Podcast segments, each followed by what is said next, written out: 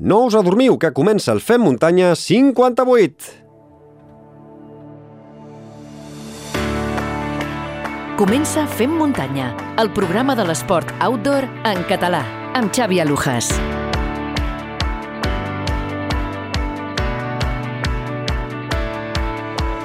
Com esteu, fem muntanyeros i fem muntanyeres? Tornem un dijous més amb un nou programa ple de converses interessants. De seguida us repasso el menú, però primer deixeu-me donar-vos les gràcies a tots i totes per haver-nos escollit, perquè us acompanyem.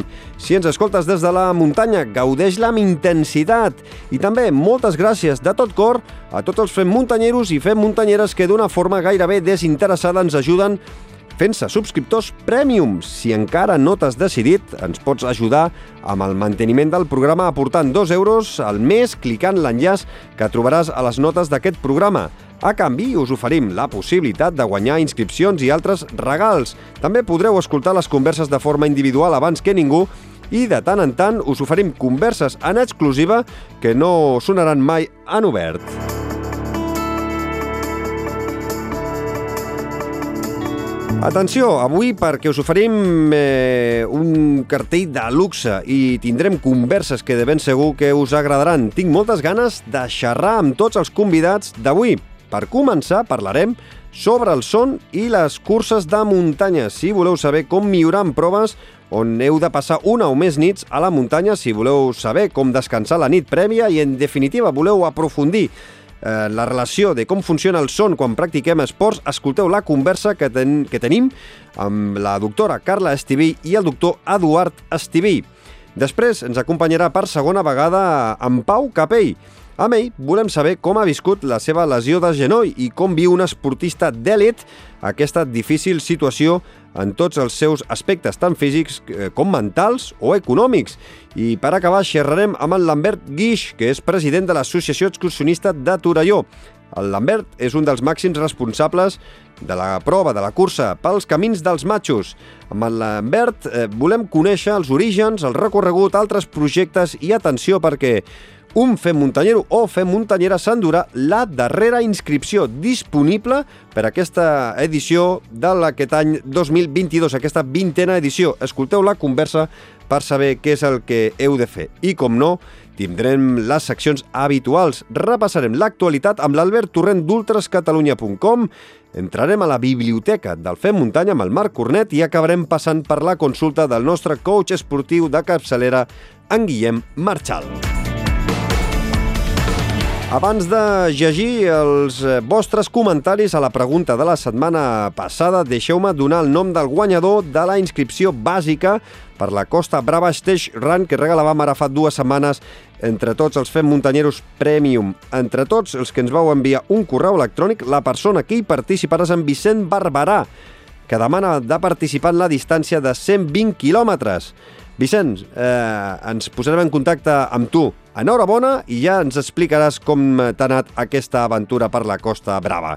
I acabo aquesta introducció repassant ara sí algunes de les eh, respostes a la pregunta que us fem ara eh, fa 15 dies. Us preguntàvem si us ha afectat d'alguna manera la sisena onada del Covid i si heu hagut de renunciar a alguns dels vostres objectius. I, per exemple, tenim resposta d'en Jordi Garcés Solí a través de Spotify que contestava que està finalitzant el confinament i tot i que li ha impedit sortir a entrenar, li ha permès iniciar-se en l'entrenament de força. Ben fet. L'Esteban Soto escrivia que ahir sí que li ha afectat, li havia tocat eh, en el nostre sorteig, el Fem Muntanya, un dorsal per la Llanera Trail i ha hagut d'estar a casa confinat per donar positiu. No pateixis, Esteban, que continuarem regalant inscripcions, ja ho saps. El Miquel Arnal deia «Jo tenia moltes ganes de fer la llanera trail, la mitja, no sabia si tindria el bessó de la cama esquerra a punt, però el divendres previ, patapam, positiu de Covid, i aquí es van acabar eh, i es van esvair tots eh, els dubtes. Llàstima, però, de, com dèiem, hi ha eh, més curses i, ha, i continuaràs doncs, eh, fent altres històries. I en Kilian Barbeta acaba dient que de moment no li ha afectat el virus eh, en cap de les onades i de moment no ha hagut de renunciar a cap cursa en aquesta sisena onada perquè encara no ha començat temporada i acaba dient que esperem que segueixi així. Doncs també és eh, sort i, i bueno, continuem, esperem que continuïs sense agafar el bitxo. I aquesta setmana, atenció, us preguntem si us costa agafar el son la nit prèvia d'una cursa important. I també us preguntem quantes hores acostumeu a dormir i a descansar. Us llegim i podeu deixar les vostres respostes al post d'Instagram.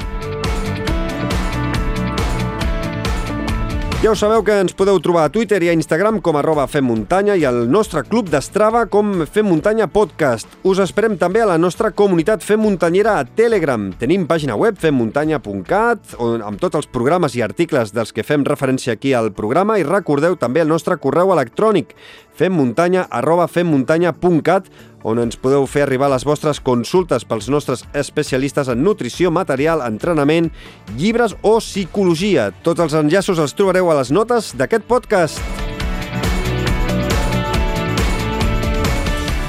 Doncs ho tenim tot a punt, però abans eh, de sortir a gaudir de la muntanya cal saber quina serà la previsió meteorològica que ens espera pels eh, propers dies i, com sempre, ens la porta la Mònica Usar. Hola, Mònica. Hola, què tal? A veure, quin temps ens espera pels propers dies i, sobretot, quin temps m'espera pel cap de setmana per diumenge per la Montserrat Sky Race? Doncs mira, de moment tindrem un cap de setmana tranquil. Ja sabeu que estem en aquesta situació de sequera que arrosseguem durant molts dies, molts mesos. Portem més de dos mesos sense ploure allò de, amb ganes i de veritat. Doncs aquest cap de setmana no vol arribar tampoc aquesta pluja i continuarà el temps estable i tranquil, com a molt, amb un cel mig ennuvolat, és a dir, tindrem estones de cel tapat, aquests núvols passaran, s'obriran clarianes, es tornarà a tapar i així anirem fent tot el cap de setmana i amb algunes boires que es poden formar durant les nits en punts de l'interior i també del prelitoral, com ja ha passat algun dia d'aquesta setmana. Diumenge també ho farà el vent, però serà més aviat a la tarda, per tant, en principi no hauríeu de patir diumenge en cap d'aquestes curses pel vent que bufarà. Serà sobretot a partir del migdia i especialment especialment cap a punts de la costa, però també cap als extrems del país, cap al Pirineu, l'Empordà i també les comarques del sud. Baixa una mica la temperatura aquest cap de setmana respecte... Ja ens abrigarem. Sí, la que hem tingut aquesta setmana, tot i això, nits amb poques glaçades, a tot estirar al Pirineu, algun punt de l'interior, temperatures entre 1 i 5 graus a les comarques interiors en general, per sota dels 8-10 a la línia de la costa, podríem dir que normalitat pel que fa a les temperatures a aquesta època de l'any. Doncs eh, tocarà abrigar-se. Què, t'animes per això a fer mm, l'express de 13 quilòmetres o no? 13 quilòmetres, diumenge, home, això sí? veuria en cor, eh? Sí. Doncs vinga, va, ens veiem a Monistrol de Montserrat aquest eh, proper diumenge. Mònica, moltes gràcies. M'apunto, que vagi eh, bé. Cuida't, que vagi Adeu. bé. I ara que ja ho tenim tot a punt, ens lliguem les sabatilles i, com sempre, sortim a fer muntanya. Fem muntanya, l'esport outdoor en català. En moltes curses hem de passar una o més nits sense dormir. En una prova per etapes hem de descansar al màxim per recuperar mm, per al dia següent. I en gairebé totes eh, doncs ens costa dormir la nit prèvia i en moltes ocasions també ens costa dormir un cop hem acabat. Per resoldre molts d'aquests dubtes sobre el son, saludem els doctors que més en saben sobre aquest tema. Saludem al doctor Eduard Estiví i a la doctora Carla Estiví. Benvinguts al Fem Muntanya i moltes gràcies per acceptar la invitació. Moltes gràcies eh, per la invitació. Gràcies, Xavi, i esperem poder respondre a tot el que ens preguntis. No ens ho facis massa difícil. No, eh? són preguntes que de ben segur que, que la sabreu respondre. Mira, la primera pregunta, per començar, crec que és clara i crec que és la primera que qualsevol persona que, que faci esports d'ultraresistència es farà. Uh, es pot entrenar el son per rendir millor en una cursa de llarga distància on estarem una o més nits sense dormir? Aquesta te la responc jo, Vinga, va. uh, perquè és més general. Uh, de fet, el ser humà està programat per dormir de nit i estar despert de dia. Què significa això? Que és impossible, fixa't com ho dic, eh? és impossible entrenar a la gent a dormir d'una manera determinada.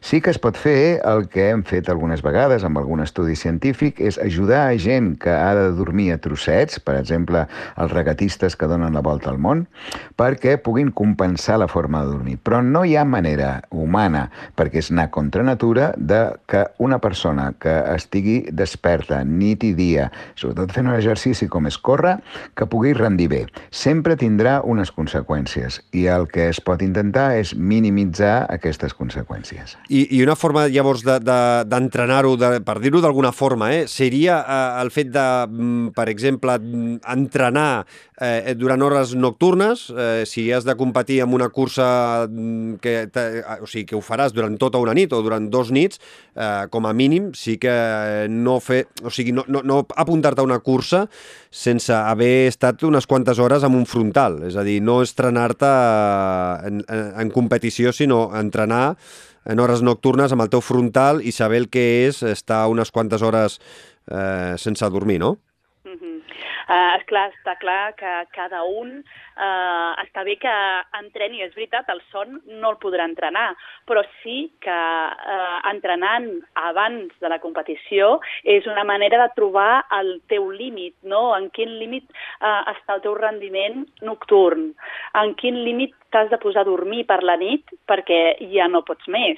Uh, cadascú ha de trobar el seu límit, no? I, uh, i suposo que a dintre d'una competició doncs, uh, posar-se al costat dels que vols guanyar i apurar al màxim. Uh, però rendir per la nit eh, és impossible des del nostre punt de vista. Eh, com a especialistes de son i dels ritmes circadiaris, eh, que coneixem eh, bé que aquest ritme de son ha de ser per la nit i l'esport ha de ser pel dia, eh, anar en contra és impossible. Mm -hmm. uh, llavors... Això ens, ho ensenyar, eh, això ens ho va ensenyar la Emma Roca quan la vam començar a estudiar. Pensa que sobre aquest tema ja fa molts anys que la Carla, des de la Fundació, uh, estem investigant sobre aquest tema. Va ser ella eh, la que, uh, a través d'una entrevista que vam coincidir, vam començar a parlar, ostres, pues, et podem ajudar a gestionar el son amb mm -hmm. aquestes carreres. Quan li preguntàvem què passava, ella, recordeu que era campiona d'aquestes ultramaratons eh, que feia durant 3 o 4 dies. Eh? Mm -hmm. Ella, el primer que ens explicava és que després d'unes hores determinades de no dormir, normalment 5 o 6, només 5 o 6 hores, ja començava a, a, a entrar en un estat de confusió. Què vol dir això? Vol dir que segurament podia seguir corrent, però en canvi les decisions que havia de prendre, si havia d'anar per un lloc, anar per un altre, doncs això ja li costava més. Ens va explicar diverses anècdotes molt interessants. Ens va explicar una vegada que anava davant d'una cursa i eh, estava ja molt cansada després de, de dos dies sense dormir. I aleshores ella va decidir, per, sense, cap, eh, cap, eh, bueno, sense cap concepte científic, va preferir parar i dormir durant uh -huh. 10 minuts i deixar que el que li anava al darrere, que era la favorita, diguem-ne, o el grup que li anava al darrere, perquè corrien 3 o 4 junts, el grup que li anava darrere el passés. Aleshores, eh, evidentment, els que, anava, els que anaven darrere la van passar, però uh -huh. ella va esperar aquests 10 minuts dormint. I eh, curiosament ens deia, i la meva sorpresa va ser que després de dormir aquests 10-15 minuts vaig córrer més de pressa, vaig passar-los una altra vegada i va guanyar la carrera. Uh. Això ens va donar peu uh, en aquesta uh, primera uh, investigació, no? que és que serà impossible rendir bé, entrarem en un estat de confusió, però és el que deies tu una mica. Primer es pot entrenar, es pot provar i veure, com et deia la Carla, on estan els propis límits. Però el que segur és que s'han de programar, si les distàncies són llargues, sí. eh, petites siestes, no, Carla? Mm -hmm. Exacte, sí, perquè ara estava recordant els experiments que, bueno, que hi han documentats. Eh, principalment, el que s'entrena és a fer aquestes càpsules de son, que són de 10-15 minuts, però són molt reparadores eh, s'han de programar a diferents hores de la nit eh, durant els dies que duri la competició i, i s'han provat diferents fórmules, però no crec que n'hi hagi una d'idònia, sinó que cada persona ha de trobar la seva fórmula per eh, arribar en aquest límit no? de, de, de la repercussió a nivell cognitiu, a nivell eh, emocional, no? De, de, de no poder resistir la fatiga, eh, a nivell físic.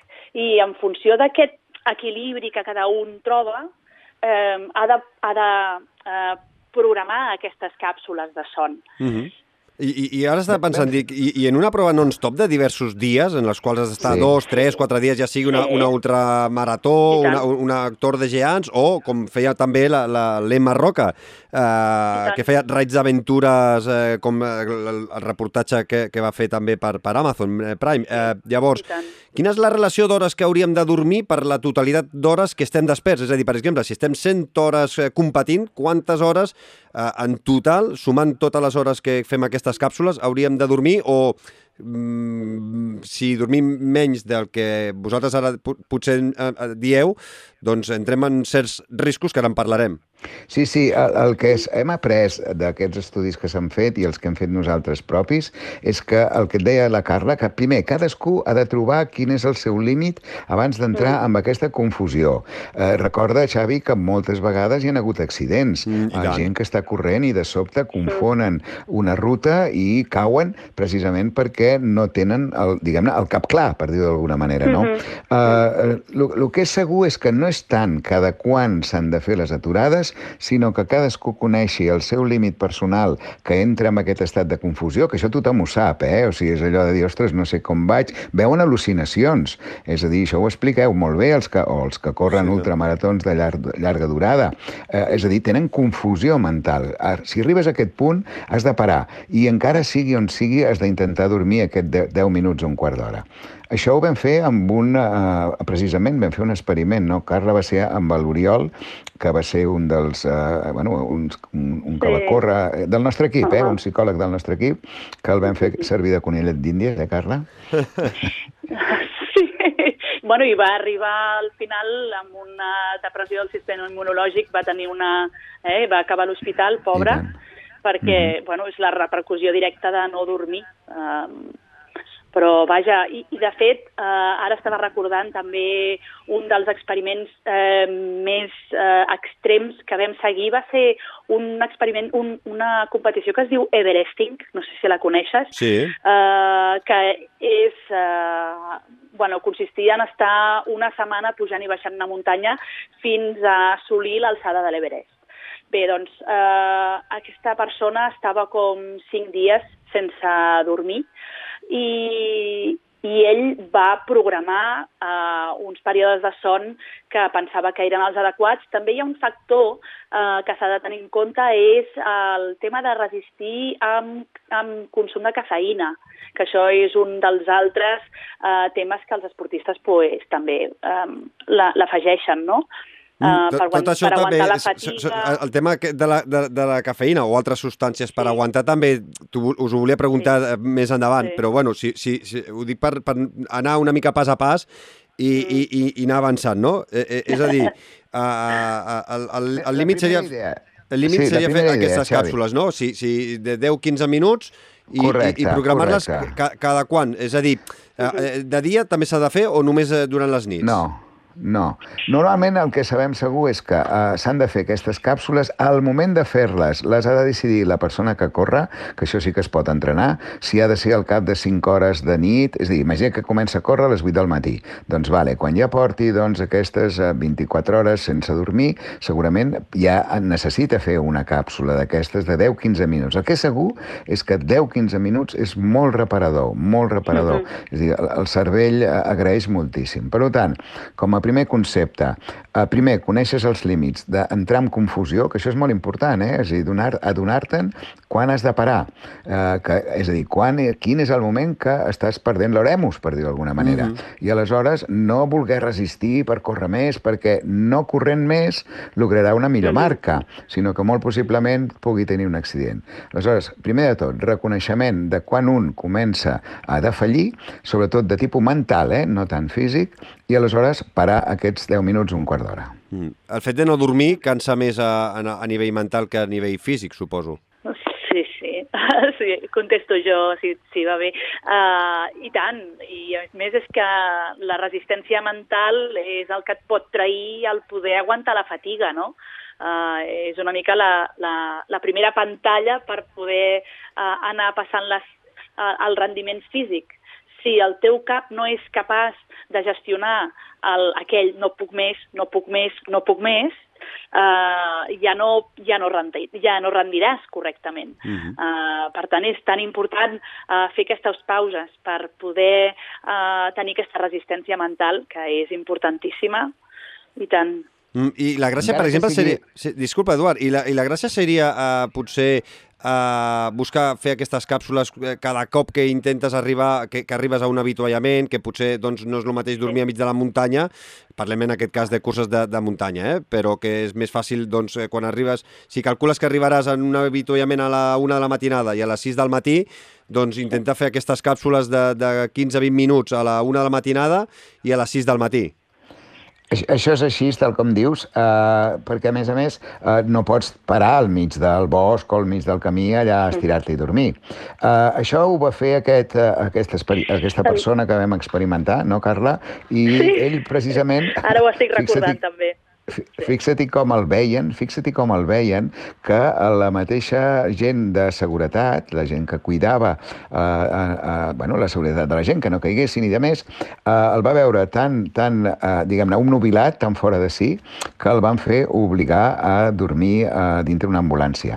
Però és que la segona vegada que ho va intentar va ser la, els Mossos d'Esquadra, que eh, li van dir que no podia seguir.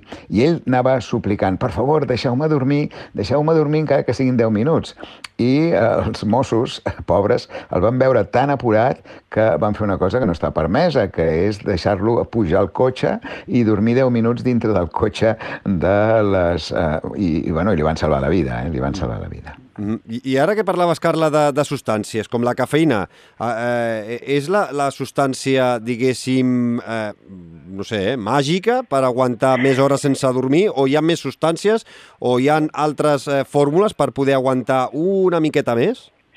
Sí, sí, jo crec que tots els estudis que demostren eh, el seu efecte ergogènic, no? que millora el rendiment físic, és així, funciona molt bé la cafeïna. Però eh, s'ha de tenir en compte que un consum excessiu repercuteix en la qualitat de son, fa que el son sigui totalment eh, eh, fraccionat i no descansem correctament. Per tant, té una contrapartida. Eh, en una carrera d'ultraresistència pots tenir una dosi molt alta de cafeïna per aguantar, però després hauràs de tenir en compte que per recuperar hauràs de primer netejar tota la dosi de cafeïna que tens en sang per poder de- dormir bé. Mm, I ara, llavors, a mi m'entra una altra pregunta. Uh, si prens molta cafeïna, eh, eh, pots eh, després eh, fer aquestes eh, microcàpsules de 15-20 minuts eh, per descansar? Perquè, clar, si vas tot el dia eh, dopant-te eh, de, de cafeïna, Sí, sí. després, quan vulguis dormir, potser no pots a, a dormir aquests 10 minuts. Mira, el son és tan potent, és a dir, la manca de son és tan potenta que quan estàs amb aquest estat d'esgotament o d'omnubilació, és a dir, que ja no controles la teva ment, eh, prenguis el que prenguis, el cos s'adorm. Mm. Eh, sí que és veritat que si tu el que vols és un son reparador, aleshores no el tindràs, eh, amb la cafeïna, però normalment normalment eh, recomanem eh, una combinació de tots aquests fets. Eh? Això ho hem fet amb, la, amb tots els corredors que hem aconsellat, sense passar passar-se amb la cafeïna, dormint les càpsules, i llavors aconseguim un equilibri. Mm, I has de, mm, com, com dir-ho, eh, netejar el teu cos de cafeïna a les setmanes prèvies o els dies previs de, de la competició perquè la cafeïna sigui més efectiva?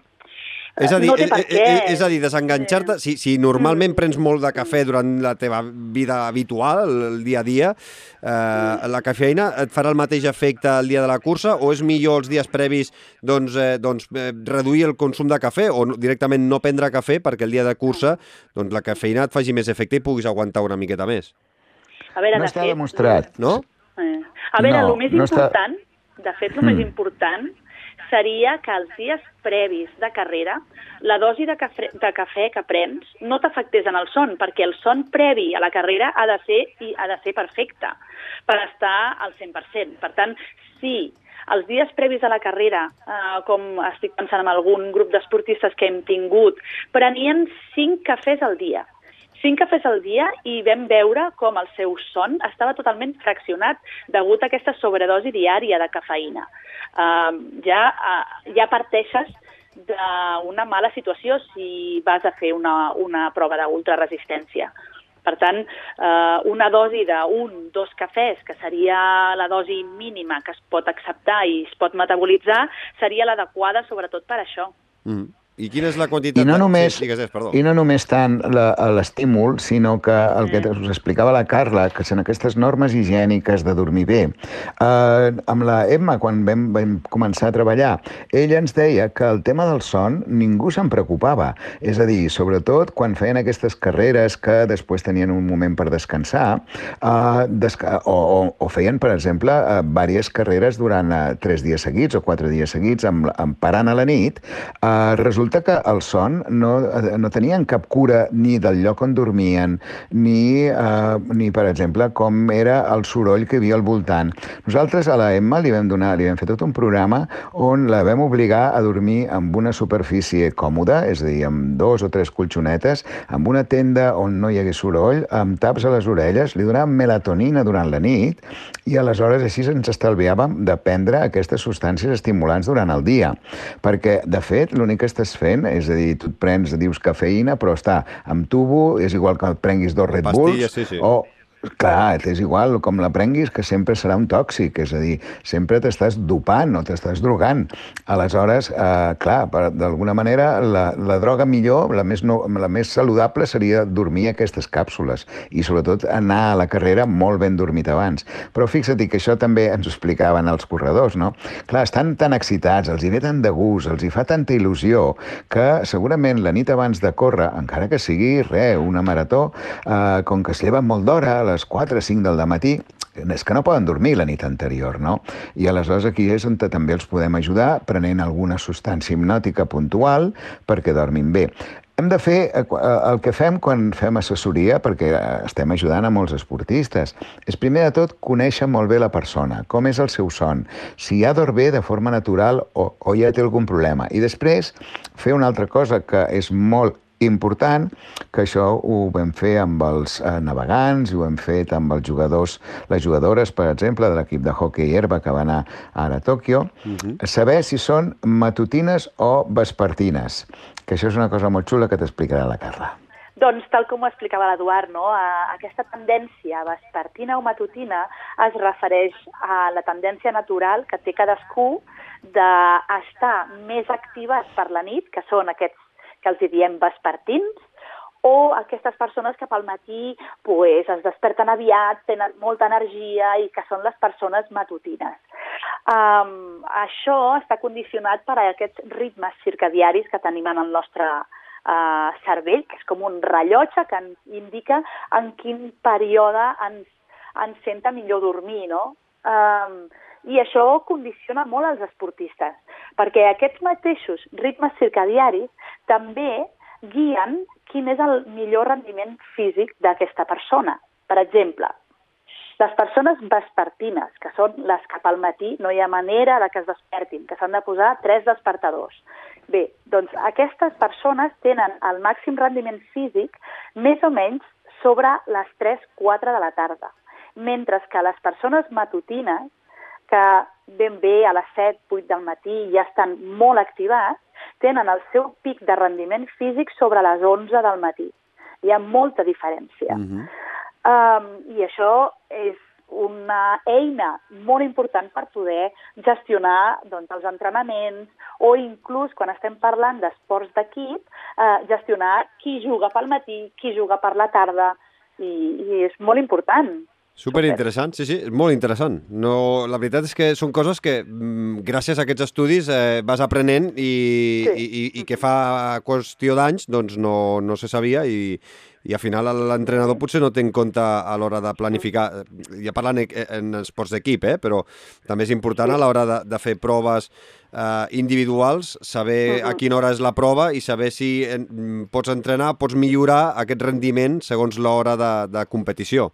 Eh, entrenant... Això, això ho vam fer, Xavi, això ho vam fer amb la, de, el, el primer estudi de tots que vam ajudar a, a la Emma Roca va ser precisament això que tu expliques. Ell anava a córrer als Estats Units. Uh, tu saps que es coneixen entre tots els esportistes uh, d'èlit. I aleshores ell ens deia, mira, jo ja tinc aquesta edat, llavors en tenia 30 i alguns. Uh, ja sé que que davant meu hi ha una altra que és la que fa la millor marca i jo quedaré, si ho faig molt, molt, molt bé, quedaré tercera o quarta. Uh, bé, aleshores, què vam fer nosaltres? Mira, pensar, eh, vam primer de tot saber a quina hora era la carrera. Clar, la carrera, eh, has de comptar la diferència horària que hi ha. Ella se'n anava a córrer a Colorado, eren, penso, no, Carla? Leadville? Potser la Leadville, no, era? Ah, això mateix. Ah, això. Mm. Sí, senyor, sí, senyor, era la Leadville.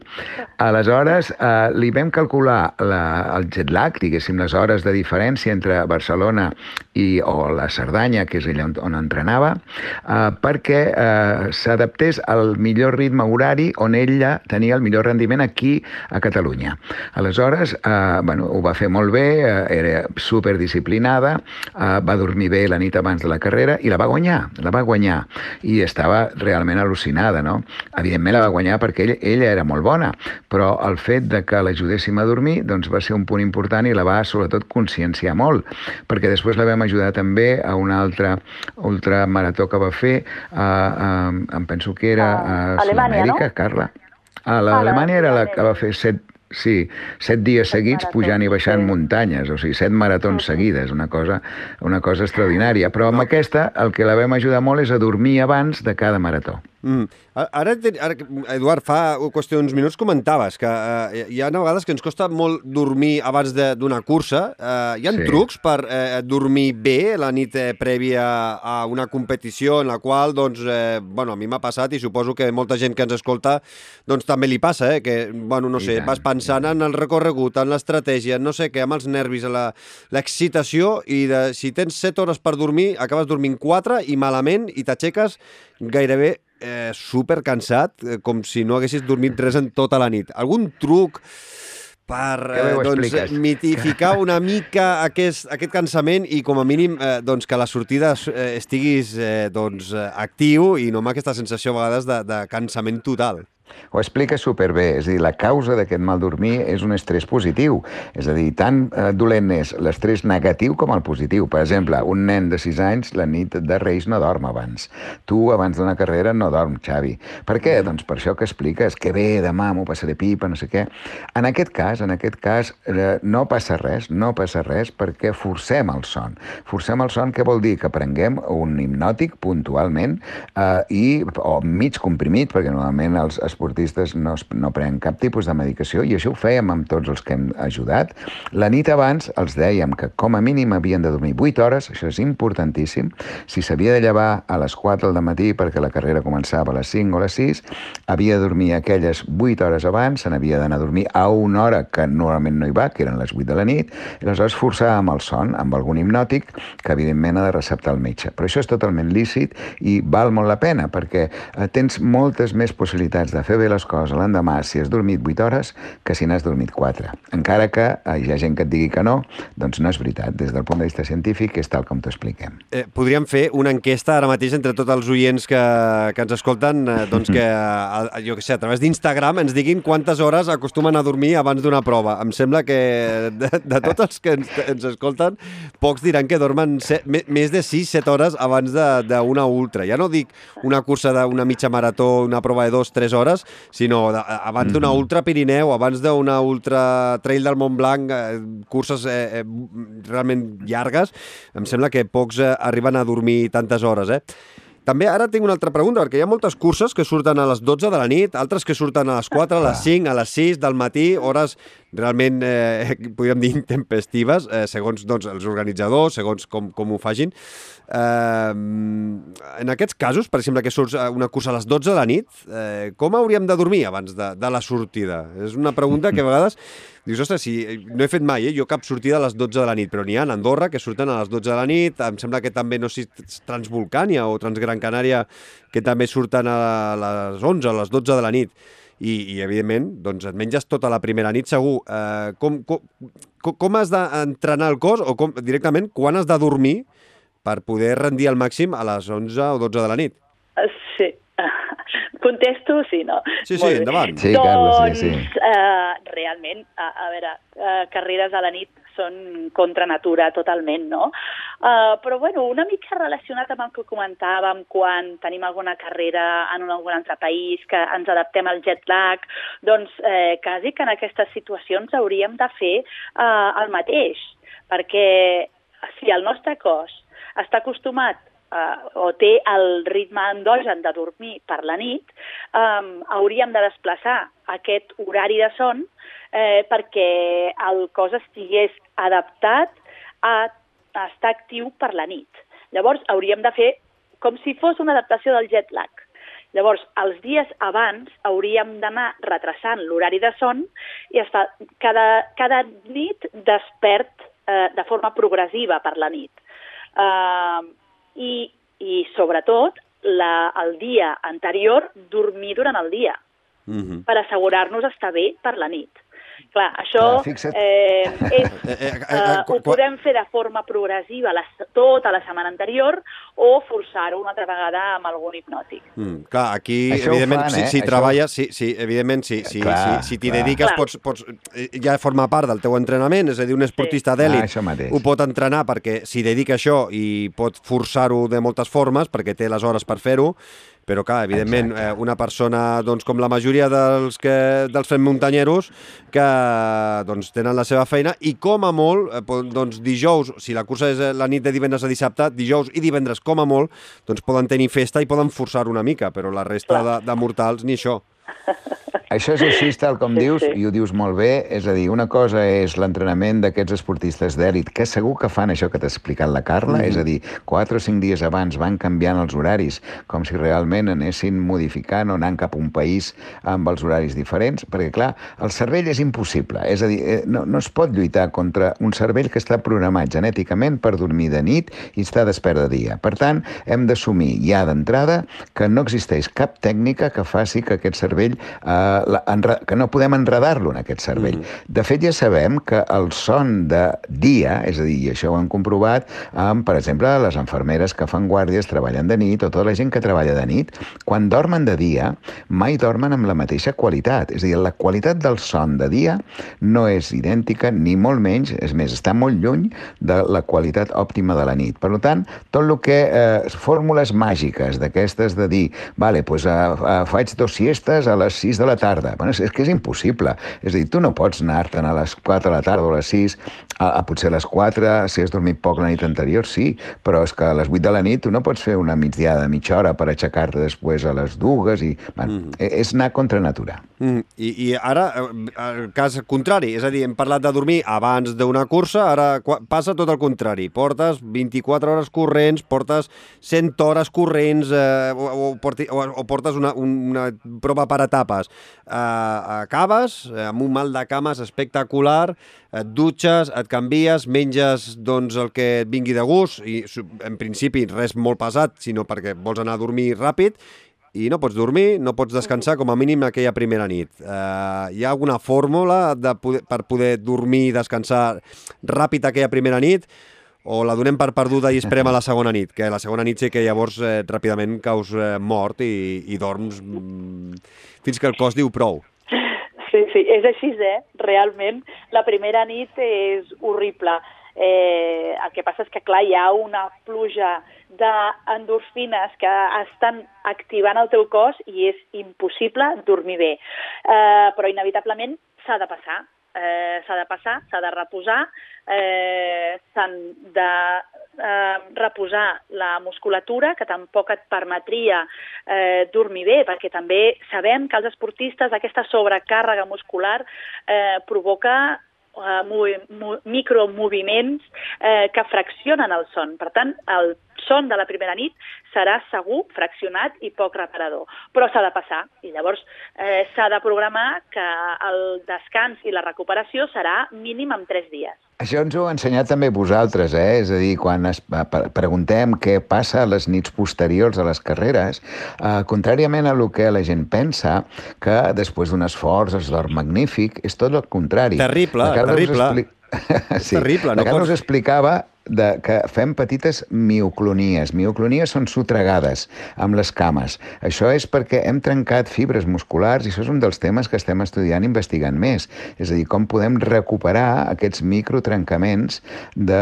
Mm, això també la, la Emma ho estava fent molt perquè ella era bioquímica, mhm. -huh. perquè realment el que estem és destruint el nostre cos, no només de, de, des del punt de vista mental, eh, tal com em dèiem abans, sinó també físic. Aleshores, clar, tot això hi ha unes conseqüències conseqüències i el cos no perdona. I la primera conseqüència és que si tu, després de córrer aquestes carreres, no dormiràs bé, seguríssim, per més que et prenguis bueno, fins i tot medicaments. Doncs eh, endavant, fem muntanyeros i fem muntanyeres. Si voleu participar en una prova de tantes hores i acabeu amb mal de potes, que sapigueu que la primera nit eh, doncs l'hem de passar tots com puguem i ja dormirem la segona nit, que llavors sí que és la millor nit.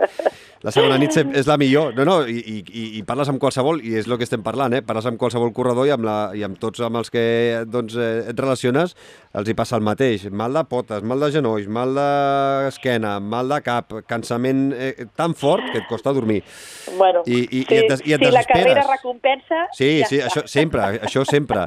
I després eh, també hi ha un altre tipus de proves que són les eh, proves per etapes eh, per muntanya, que cada vegada són més habituals. Eh, quines són les recomanacions que doneu per poder dormir bé entre, eh, per les nits, perquè en principi aquestes etapes van de dia, doncs recomanacions per poder dormir i recuperar bé i que doncs, eh, etapa rere etapa puguem anar rendint de la millor forma possible, perquè de vegades doncs, també mm, costa descansar. I no sé si hi ha molta investigació eh, feta amb proves ciclistes de tres setmanes, perquè, mm, clar, és una miqueta el que els hi passa als ciclistes, no? Sí, uh, Carla, explica tu, si vols, uh, la, les sí, normes no, per estava dormir. Pensant, clar, estava pensant el que comentaves abans de, uh, per exemple, el, les set maratons que va fer la Emma Roca a, a Alemanya. Aquest era un cas que el, com el que- l'exemple que dius ara, no? Eh, com ens anem recuperant per la nit, pel dia següent, fer la següent marató. I en el cas dels ciclistes, doncs el mateix.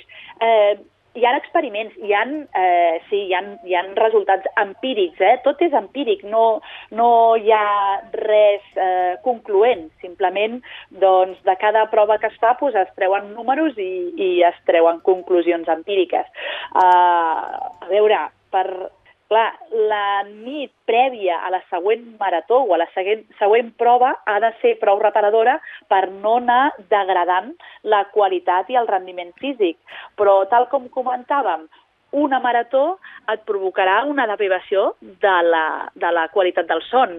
Mm. Per tant, um, sense mm, voler ser pessimista, però la pròpia carrera no et deixarà descansar i aniràs perdent eh, qualitat de son i rendiment. Inevitable. Això és Però podem, bastant una- inevitable. Podem donar, es pot podem donar minimitzar, una, eh?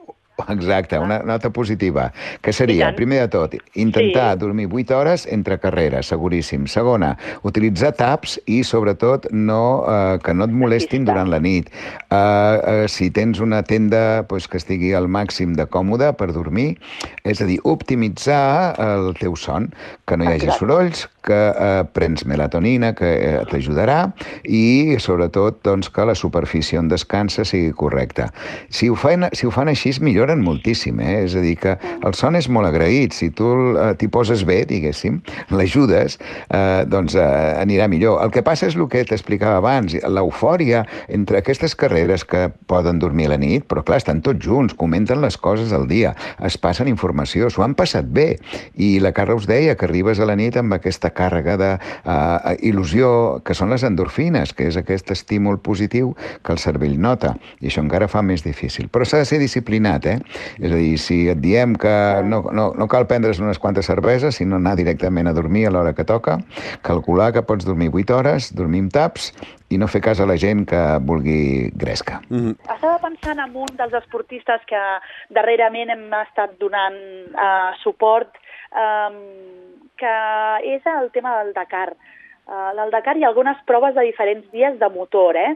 Ell ens comentava que el més important per ell era, després de la carrera, Uh, entre mig havia d'aten- d'atendre els periodistes que dia absorbia cert temps, però després se n'anava sol a l'habitació, tancat i sense ningú, per començar a desconnectar el més aviat possible. Uh, clar, això amb carreres de muntanya uh, no sé si és complicat, però han de buscar aquest entorn per desconnectar, per uh, deixar de de compartir aquestes emocions i, i llegir un llibre o parlar per telèfon amb la família no? I, i fer aquesta desconnexió. Mm -hmm. És a dir, eh, hores per competir, hores per gaudir, eh, un temps per eh, compartir amb, a, amb els altres corredors, però després buscar unes quantes hores per tu, per desconnectar i, i descansar i oblidar-te també de, de la competició. Sí. Uh, Sí, i, sí. i, I acabo amb l'última. També, uh, si a la vostra web, uh, que deixarem l'enllaç a, a, a les notes del programa fundacionestivisueno.org, uh, hi ha un estudi que també heu, est- ho heu, heu fet una, una investigació amb el Ferran Latorre, que vau estudiar el son Sí. en alçada, uh, quan va coronar el seu darrer 8.000, que va ser l'Everest. Eh, a, a quines conclusions vau arribar? En alçada es, dor, es descansa molt pitjor que al camp base, per exemple? Sí, Tu, Carla. Ah, bueno, Bueno. a veure, uh, les, les condicions especials d'aquesta prova principalment és um, la o la reducció de, del volum d'oxigen a- en alçada i això ens afecta en el son, sí, sí, efectivament. Uh, però en aquest cas, a veure, el més important era fer una bona preparació prèvia perquè sabíem que hi hauria afectació en alçada i, per tant, eh, era, un, era una, una preparació, sobretot una bona preparació. Uh -huh. Tots els estudis diuen que a mesura que puges en metres, amb alçada, hi ha més fraccionament del son. Eh? O sigui, el son, quan dormim a una superfície plana i dormim bé, normalment el son és seguit i podem dormir 7-8 hores seguides sense despertar-nos. En canvi, a mesura que pugem amb alçada, a part del problema de l'oxigen, hi ha microdespertars, és a dir, és un son més superficial i més trencat. Amb més raó, amb més raó, aquesta, aquesta gent que ajudem, sobretot quan pugen l'Everest, doncs és donar-los medicació eh, per aconseguir que dormin bé almenys aquelles 6 hores per eh, bueno, poder seguir endavant l'endemà. Doncs eh, estic... Eh, eh, bueno, jo he après moltíssim d'aquesta conversa. Eh, ara només em falta, doncs, eh, no sé, fer alguna borrada properament i, i poder estar, doncs, aqu- eh, posar-ho en pràctica moltes de les coses que, que hem anat parlant en aquests eh, darrers 40 minuts al, al programa al Font Muntanya. Uh, doctora No, Carla sí, Estiví, moltíssimes gràcies uh, per, per totes aquestes uh, doncs, investigacions que, que heu anat fent eh, des de la Fundació Estiví i, i doctor Eduard Estiví, com sempre, un plaer xerrar amb vostè. Igualment, Xavi, igualment. El ple és nostre sobretot perquè podem ajudar a una disciplina que fins ara ningú feia cas, és a dir, els esportistes quasi ningú es, es, es cuidaven del seu son. Uh, sí que s'alimentaven molt bé, evidentment el, les, la, la preparació física és, és perfecta, però cada vegada més ara se sap que el son és l'entrenament silenciós i aquí és un gran camp que podem ajudar moltíssima gent i amb això estem enfocats. Doncs moltíssimes gràcies per eh, la bona feina que feu des de la clínica Estivi. Una abraçada a tots dos. Gràcies. Vinga, bones Igualment. gràcies, Xavi. Fins la propera. Busca'ns i subscriu-te a qualsevol de les principals plataformes de podcast. Spotify, Apple Podcast, iVox, Google Podcast i moltes més.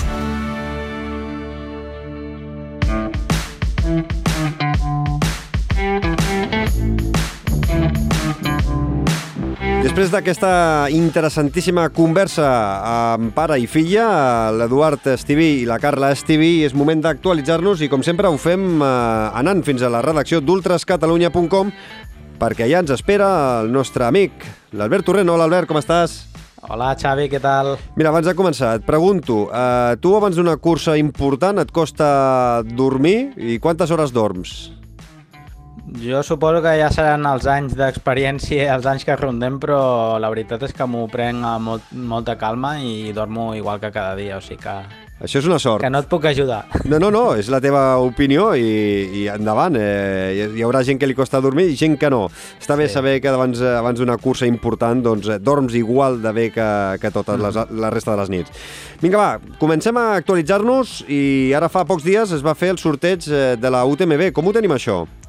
Sí, doncs el passat 26 de gener es va realitzar aquest sorteig esperat per tothom eh, de l'UTMB del Montblanc, que se celebrarà del 22 al 28 d'agost i doncs, la prova més coneguda del món doncs, va rebre més de 23.000 sol·licituds eh, de 100 països per, per participar en alguna de les set fulles que conformen aquest eh, trail eh, de l'UTMB. Fins a 779 corredors catalans van provar sort al sorteig, dels quals 377 van ser els afortunats, tot un rècord. I un és l'Albert Jorquera. Bueno, digues? I un és l'Albert Jorquera. Un és l'Albert Jorquera, que el de... Corre allà- a la La, batallant amb la UTMB.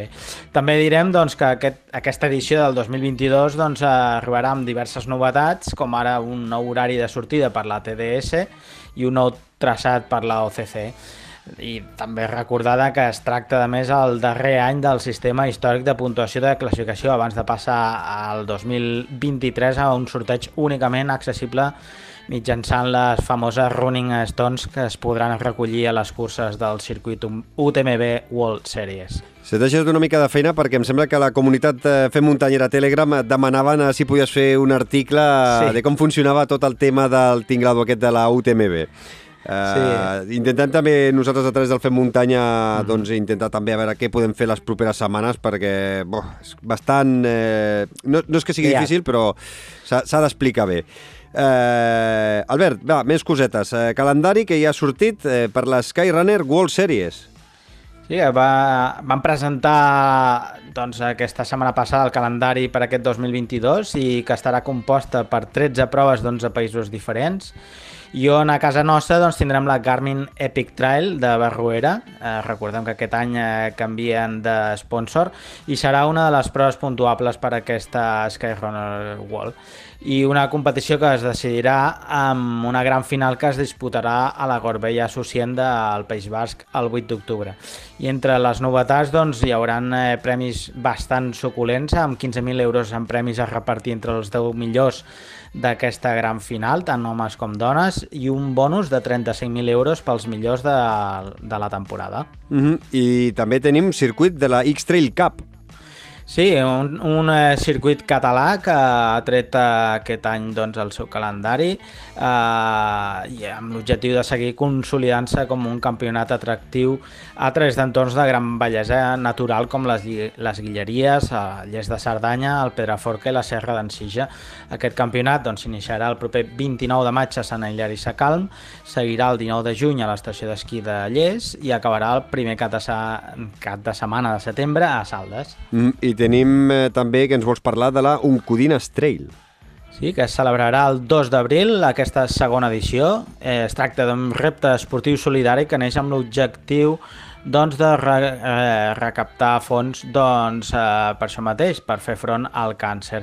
Cada equip participant, a part del desafiament esportiu de la cursa, doncs, té el propòsit de recaptar, de recaptar aquests 600 euros per la Fundació Oncovallès, la Barcelona Brain Health Initiative i la Fundació Oncologia Infantil Enriqueta Vilavecchia. La prova organitzada pel Club Atlètic Sant Feliu, Centre Excursionista Sant Feliu, doncs, eh, proposa un traçat de, en dues modalitats, eh, la de córrer de 80 quilòmetres i la de caminar de 60 eh, amb sortida a, Granoll a Granollers i arribada a Sant Feliu de Codines, passant per una desena de municipis del Vallès i el Moianès, que segurament tu també coneixes, eh, Xavi. I tant, i tant que sí. Uh, aquest passat 6 de febrer es va disputar una de les curses més punk del calendari, la sí quedada trail. Sí, que allà vam estar uns quan eh, fent muntanyeros i, I es va celebrar a Castellterçol, com és habitual, amb més de 600 corredors que van poder gaudir dels dos itineraris que va preparar amb cura l'organització de 30 i 15 quilòmetres en una jornada totalment festiva i amb l'únic objectiu de passar-s'ho bé i ser solidaris amb els més necessitats. Aquest any, a més, la recollida va, va ser de rècord, amb més de 7.000 quilos d'aliments que aquest any aniran destinats a Càritas de Mollà. Això és la de les coses més importants, eh? la uh -huh. part mhm. solidària. I també per part solidària la cursa que es va disputar el 6 de, també de febrer a Matadepera, la cursa de Montrodon, sí. Eh, en el qual un euro de cada inscripció va parar a l'associació Obrir-se al món, que ja hem parlat aquí amb la Marta Bacardit, i que tornarem a parlar properament amb eh, més persones eh, vinculades amb aquesta associació perquè hi participaran a la Marató de, de Sables. Eh, mes de març estem treballant per fer un programa xulo i, i especial. Per cert, una cursa de Montrodon que va guanyar Jan Margarit rebentant el crono 55 minuts i la Mireia Hernández. Més que res perquè també estàvem per allà donant sí, guerra. Sí, allà corrent, sí. Va, parlem una mica d'esquí de, de muntanya. Tenim notícies d'Oriol Cardona, Maria Costa i, i Marc Ràdua. Sí, un, una breu pinzellada, doncs, aquests tres esquiadors eh, catalans doncs, que van brillar a la Copa del Món d'Esquí de Muntanya, que es va celebrar els, aquests passats dos últims cap de setmana. Dues victòries per a Cardona a la tercera i quarta prova d'aquesta Copa del Món, celebrades al Balai suís i a la Valtellina italiana. En la modalitat sprint el situen a més a liderar aquesta competició, mentre que els júniors Maria Costa i Marc Radua doncs, van saborejar dues plates i un bronze en les dues proves disputades. Tots tres arriben amb molt bona forma en l'europeu que s'està celebrant precisament aquest, aquesta setmana a l'estació d'esquí de Buitaüll, on són ferms candidats a medalla. I acabem, com sempre, eh, amb el calendari pels propers eh, dos caps de setmana, 12 i 13 de febrer i 19 i 20 de febrer.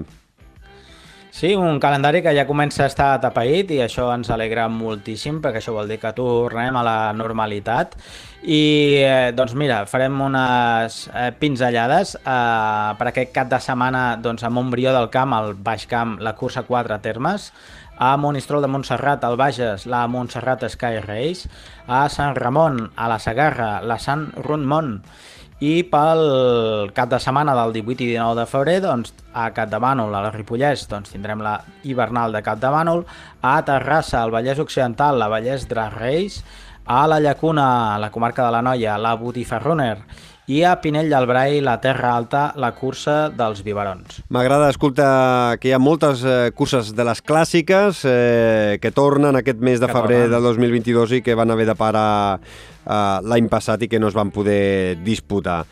Albert Torrent, com sempre, un plaer. Cuida't molt i anem parlant d'aquí, ens escoltem d'aquí 15 dies. Salut! Igual, igualment, una abraçada.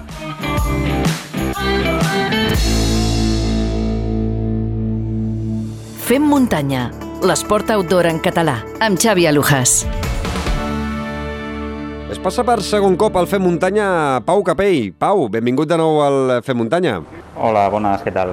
Pau, ets el primer convidat que repeteixes i és un autèntic plaer tornar a parlar amb tu. Mm, si voleu, podeu escoltar la conversa que ja vam mantenir amb en Pau en el programa 12. Eh? Ha plogut des de, des de llavors, han passat moltes coses i us deixarem l'enllaç a les notes del programa perquè la recupereu. Eh, Pau, començo per una miqueta pel, pel més recent. Eh, vull parlar amb tu sobre la lesió, com t'has recuperat i tot plegat, eh? Però, clar, eh, eh, comences temporada i ara fa res, eh, una setmana i mitja, dues setmanes, que has començat temporada amb la marató del Trail Roca Corba de Clasmarc. Eh, com t'has trobat? Bones sensacions? Sí, en general sí, en general bones sensacions. Eh, és una cursa, òbviament, que no, amb la qual doncs no puc ser competitiu perquè estic entrenant curses de llarga distància, però, però bueno, en general sí, vaig arribar a meta molt content perquè és quan millor em trobava, llàstima perquè era ja arribant a meta, però, però sí que és cert que, que és quan bon, millors sensacions tenia i, i això doncs, bueno, quan fas llarga distància és bona senyal perquè nosaltres fem curses de 120 quilòmetres i per tant en el quilòmetre 40 encara has d'estar digne en mm. aquest moment. Eh, Pau, i què és el que busques en aquest tipus de proves per, eh, preparatòries eh, per, per curses objectiu? Eh, buscar aquest, aquests entrenaments de, de qualitat, buscar aquesta, xipa, eh, aquesta xispa, eh, perquè, clar, el, propera, el primer objectiu és Transgran Canària, no? Sí, sí, normalment, bueno, als caps de setmana sempre sol haver una tirada llarga i, i entre setmana també, però normalment el cap de setmana és quan més ens focalitzem en això i, i el que buscava era això, no? pues fer una tirada llarga però aprofitar el moment pues, per obrir una miqueta més de gas del que normalment ho fem en entrenos no? I, i tot focalitzat cap a Transgran Canària. Mm -hmm. I a part de Transgran Canària, quins són, ja tens una mica el calendari ben marcat, no? Quins són els grans objectius eh, d'aquest 2022, Pau? Doncs mira, són cinc grans objectius aquest any. Eh, faig Gran Canària, faig Patagònia Run, eh, torno a la Varedo després de molts anys, que és Itàlia al juny, passem per UTMB, eh, la de 100 milles, i acabaríem a l'Ultra Pirineu. És un any molt semblant al que vam fer el 2019, que va anar també, doncs, com que sóc supersticiós, doncs ho repetim. Mm, ostres, tant de bo, per exemple, a, a Ultra Pirineu torni el Kilian i jo crec que a, la, a tothom que ens està escoltant ara mateix un duel Kilian Jornet, Pau Capell a Ultra Pirineu aquí a casa, ostres, ha de ser espectacular, eh? És com, no sé, eh, en futbol un Barça-Madrid amb la seva, en la seva millor època, eh? Sí, però passa que és espectacular veure Kilian córrer també, no? Però és molt difícil competir no? contra, contra aquest gran atleta. Eh, has d'estar molt, molt, molt bé i ell està molt malament com per, per poder competir-hi. Bueno, de fet, eh, si no haguessis patit la lesió que ara en parlarem l'any passat, eh, haguessis, eh, t'haguessis mm, haguessis corregut, no?, amb el Kilian a l'Ultra Pirineu, no? Sí, suposo que sí, suposo que sí, perquè eh, l'Ultra Pirineu és una de les proves que per desgràcia no pogut mai competir al 100% i, i en tenia moltes ganes de fer-ho en el 2021, però òbviament amb la lesió era impossible. Eh, Pau, a veure, m'agradaria parlar amb tu de com viu un atleta professional una lesió greu que fa replantejar-se tota una temporada i, i després també quina feina doncs, has de fer per tornar al mateix nivell que tenies previ a, la lesió. Eh? Comencem una mica pel principi. El passat mes de juliol eh, va ser operat d'un despreniment de- d'un cartílag del genoll esquerre. Eh, com t'ho vas fer? Doncs m'ho vaig fer entrenant. Entrenant després de, de l'Ultra Trail d'Andorra, que vaig participar, però em vaig retirar precisament per aquest motiu, per, per aquesta molèstia greu. Eh, justament la tenia en el costat exterior del genoll esquerre, era com una molèstia, i després de l'Andorra Ultra Trail, que va ser al juny, just una, des, una setmana després, entrenant per Sant Boi, vaig notar un crac al genoll que, que sabia que era algú trencat perquè em va impedir seguir corrent. I fins i tot els meus pares em van tenir que vindre a buscar i va ser una mica show. I, i bueno, era una lesió greu dintre de tot perquè podria haver estat un any parat i, i finalment, doncs, per sort, eh, doncs aquest trencament es va fer en un lloc específic que no afectava el genoll i la recuperació va ser de 3 mesos i ja estava corrent un altre cop. Quan et vas lesionar, eres conscient de que era una lesió greu i, i, i que hauries de passar per quiròfan o et vas assabentar més endavant amb els resultats de, de les proves? Sí, no, jo pensava que era, doncs, bueno, potser sí un trencament d'algú, però sense gran importància. Sabia que no era menisc, sabia que no era cap creuat ni res, perquè això ja, ja sé el dolor que és, i pensava que era algo sense importància, però bueno, després de les primeres proves i sobretot de la primera reunió amb el metge, el doctor Llobet de Barcelona, va ser... Bueno, se'm va caure el món a sobre, perquè se'm, se'm va girar, doncs, se'm va girar la pell en aquell moment. Uh -huh. I, I arriba el moment en què et diuen que has de passar per quiròfan, sí o sí. Eh, et diuen en aquell moment el temps que trigaràs en tornar a córrer? Eh... No, no, no, em van sobre la taula dues opcions, bueno, tres opcions. Em van ficar sobre la taula l'opció de que si era el que potser podia ser, eh, m'havien de ficar com una membrana en aquesta zona del cartílag, però em suposava pues, estar un any parat. O sigui, no, no podria tornar a córrer fins l'UTMB 2022, que és on estem ara, no? eh, i, I això no ho sabria jo fins que no entrava a quiròfan. Em van dir, nosaltres fins que no t'obrim no ho sabrem. I clar, imagina't, no? Pues, eh, estàs a l'hospital eh, minuts abans d'entrar a quiròfan i estàs plorant perquè, perquè no saps el que trobaràs, no? I, i quan ulls, eh, tens el doctor al costat i et diu, Pau, eh, no era el pitjor, sinó que era el millor i, i mira, hem tingut molta sort. Mm, I què és el primer que, que et passa pel cap eh, quan veus que si la cosa no tira bé doncs eh, has d'estar un any parat? Doncs eh, és que acaba, se m'acaba la professió no?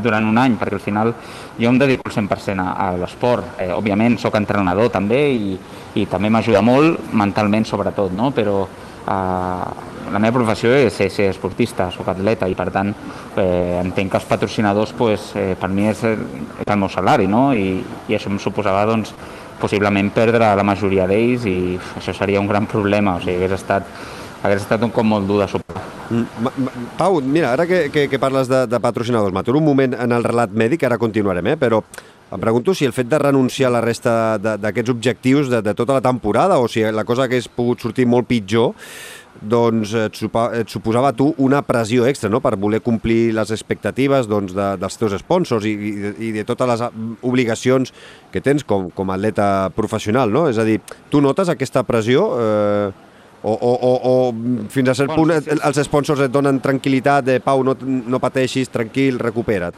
Aquí tenim dos cares de la moneda, no? Al final un patrocinador el que no vol és ficar més pressió de la que tu mateix t'hi poses, no? Perquè, perquè ells saben que, que, bueno, que tots els esportistes doncs, passem per diferents moments i, i si és un moment dur, si el patrocinador et fica pressa o, o et fica pressió, encara t'està ficant doncs, com un, una, un esglaó més no? a superar i, i tots es porten molt bé en aquest sentit. Però a l'altra cara de la moneda està la, la persona, que sóc jo, i el voler retornar pues, això, no? l'esforç econòmic que les marques fan a mi doncs intentar en aquest moment en què estava lesionat doncs retornar-ho amb diferents accions per les xarxes, eh, el Simier de Nada que vam fer diferents capítols eh, per Instagram de, de la lesió i una miqueta pues, generar un moviment a les xarxes també doncs, per ensenyar una altra cara de la moneda i al mateix temps doncs, els patrocinadors que apareixessin també en aquests documentals. Mm -hmm. I, I fins a quin punt, Pau, és important estar rodejat en aquests moments complicats, sobretot psicològics, eh, perquè la lesió tu no pots fer en aquell moment més del que ja estàs fent, però clar, en aquell moment psicològicament doncs potser estàs més tocat. Eh? En quin moment és important estar rodejat de la família i dels amics més propers? És bàsic, o sigui, és bàsic. En, en, els, en els bons moments és superimportant. És superimportant quan, quan estàs bé, perquè són ells els que llavors et, et tornen a ficar en camí, no? Molts cops que, que potser el pots perdre per, per massa positivisme i massa coses bones, però quan estàs, quan estàs malament és, bueno, eh, la família és, és el principal. Els amics també, però la família és, és la que mai t'abandonarà. I, a casa meva som, som molt de casa, som molt de, de sentar-nos, de, de plorar junts i no? I, i, i ells, esta, ells estaven allà i no m'han deixat de costar en cap moment, no? Saben, saben que, que no només perquè és la meva professió, saben que m'estimo molt al córrer, m'estimo molt córrer per muntanya i sabien que patia molt en aquell moment en què no podia fer-ho, no? I, i van ser superimportants, si no, pues, hauria d'haver anat pues, a un psicòleg, òbviament. Mm -hmm. Ara, eh, eh, salvant totes les distàncies, eh, però també fa poques setmanes el ciclista de l'equip Ineos, Egan Bernal, va patir una terri un terrible accident mentre entrenava al seu país, eh, que el deixarà bueno, una llarga temporada sense poder agafar la bicicleta i la veritat és que ha tingut sort de, de sortir-ne viu. Eh, en aquests casos, Pau, eh, des del teu punt de vista, eh, què és el més dur per un esportista professional? És a dir, no, no, no complir objectius, eh, no complir amb els sponsors, no poder sentir-se esportista, eh, no sé, com ho veus? Sí, su, su, suposo que és el, el fet de... Nosaltres, ens, quan ens dediquem a això, som molt feliços fent el que fem, no? O sigui, tenim la sort de, de viure de la nostra passió i quan no pots viure sense sponsors ni res, eh, sinó el, el teu dia a dia, la teva rutina normal, és difícil, se't fa un món al davant i això és el, el problema, no? que estem acostumats a un ritme de vida frenètic, tot el dia entrenant, recuperant, tornar a entrenar, tornar a recuperar, i quan se't para això, costa molt, costa molt omplir aquell moment no? d'entrenament, el que ja és 3 hores pel matí i 2 hores per la tarda, són 5 hores al dia que tu estàs focalitzat 100% a entrenar, no? I, i això és difícil, és difícil superar-ho. I et sents molt buit, molt buit perquè et sents, entre cometes, una mica inútil, no? Arriba el moment que dius, bueno, eh, què faig? Què faig en el meu dia a dia, no? Uh -huh. Eh, continuem una miqueta amb el, amb el relat eh, mèdic. Pau, eh, et va operar el doctor Llobet, eh, va anar bé eh, de la millor forma possible l'operació de, de genoll. Com són aquestes primeres hores un cop surts de, de, de quiròfan i, i, i una miqueta eh, i els primers dies eh, de, de postoperatòries?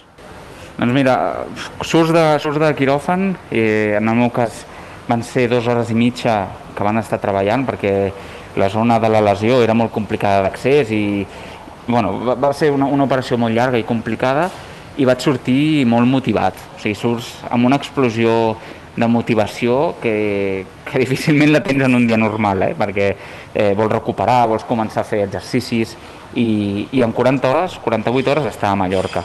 Eh, estava a Mallorca passejant amb les crosses, eh, dos dies de vacances que ja els tenia reservats, i just el doctor em va trucar i em va dir encara portes crosses? I dic sí. I em diu, doncs pues, treu-te-les, comença a caminar. Déu-n'hi-do, que ràpid. De 48 hores, que no? Ràpid. Llavors dius, sí, sí, jo em vaig quedar al·lucinat, no? I vaig dir, bueno, bueno, però estem segurs que puc ficar la cama a terra? I el tio va dir, sí, sí, on d'anar, el que hem d'anar, treu-te-les. I, I, bueno, suposo que tots, eh, jo ja tenia ganes, no? I els doctors hi confiaven més potser del compte i, i bueno, vam, vam anar molt ràpid, la veritat. I, i, i des de que surts de, la, de, de quiròfan fins que poses peu a terra, què, què passa? En poques hores?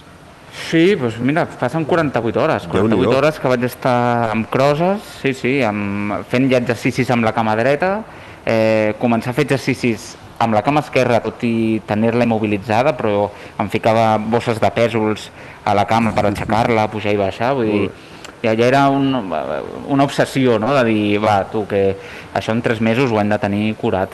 Mm -hmm. I com vas reintroduint l'esport en el teu dia a dia? Un cop ja camines sense crosses, eh, com et replanteges la tornada a l'esport, a les rutines? Com, com és aqu aquesta reintroducció? Aquí has d'estar molt ben rodejat, has d'estar rodejat de gent que en sap. Òbviament, eh, recuperar-te d'una lesió així de, de quiròfan, eh, si vas a la, a la batola, com li dic jo, et, et faràs mal segur, no? Llavors, tenia un equip de metges, tenia un equip de fisios, eh, l'entrenadora, eh, mm, bueno, tots, tots sumàvem, no? I, I crec que és el moment més difícil que he passat de la lesió, els primers entrenaments, que seria el contrari, no? Seria aquesta motivació de dir, estàs ja entrenant, però era el contrari, perquè era 10 minuts córrer, perquè al minut 11 ja em feia mal, no? I llavors cada dia doncs, era una constant de dolor, dolor, dolor, fins que, bueno, fins que arriba el dia que no et fa mal, però aquest dia que no et fa mal has entrenat moltes hores abans eh, amb molt de dolor, no? I això és, a vegades es fa molt difícil, eh, plores molt entrenant, eh? Vull dir, vaig, no sé quants cops vaig plorar, però la impotència de dir és que no puc córrer més perquè em fa molt mal. I, I què et passa pel cap quan veus que comences a córrer, que et fa mal, que no... És a dir, que ho veus encara tot tan lluny, que allò que t'agrada, allò que també et dona de menjar, i, i, i veus que hi ha tant, tant de dolor i que tens tota la incertesa del món de no saber quant de temps trigaràs a poder córrer sense dolor. Que, que et va, eh, eh, o sigui, desesperes o al contrari? Tu insisteixes, insisteixes, insisteixes? Jo, jo, jo crec que insisteixes desesperadament, seria, seria la descripció, perquè cada dia vols persistir en l'entreno, en l'entreno que et posen, òbviament, però cada dia et topes amb una pedra, no? I, i és una mica desesperant, perquè, perquè penses, bueno, quin dia em deixarà de fer mal això, no? Perquè ja, ja porto un mes entrenant i el dolor persisteix, no? I, òbviament el dolor va menys eh, cada dia, però, però sempre hi ha cap, comença a donar voltes i llavors veus que la temporada s'acaba, que, que va començar el 2022 i, i tu encara tens dolor a l'octubre, no? I, i això pues, és complicat. Eh, però passa que bueno, arriba el dia que ja no fa mal, no? però òbviament aquest transcurs es fa molt difícil. Necessites, el que deies tu, el recolzament de la família és, és, vital, és vital, és vital per superar-ho. I, i, quant de, I durant quant de temps has estat corrents amb dolor fins que ara per fi sí que ja pots entrenar amb... Ara, ara entrenes amb total normalitat, al 100%, com abans de la lesió? Sí, sí, sí, sí ara ja estic 100% recuperat, eh, sí, sí, ara ja no, no noto res, o sigui, no, no tinc cap sensació, òbviament tinc la ferida que es veu, però no, físicament em trobo bé. I, i, I, i jo vaig començar a córrer, doncs mira, em van operar, em van operar el 23 de juliol i, i jo a l'agost vaig anar a Chamonix, que la gent es pensava, es pensava que anava a córrer, però, però jo vaig, bueno, ja, al final la gent, jo pensava, però com podeu dir això? Si, si fa tres setmanes m'han operat i m'han obert el genoll, vull dir que...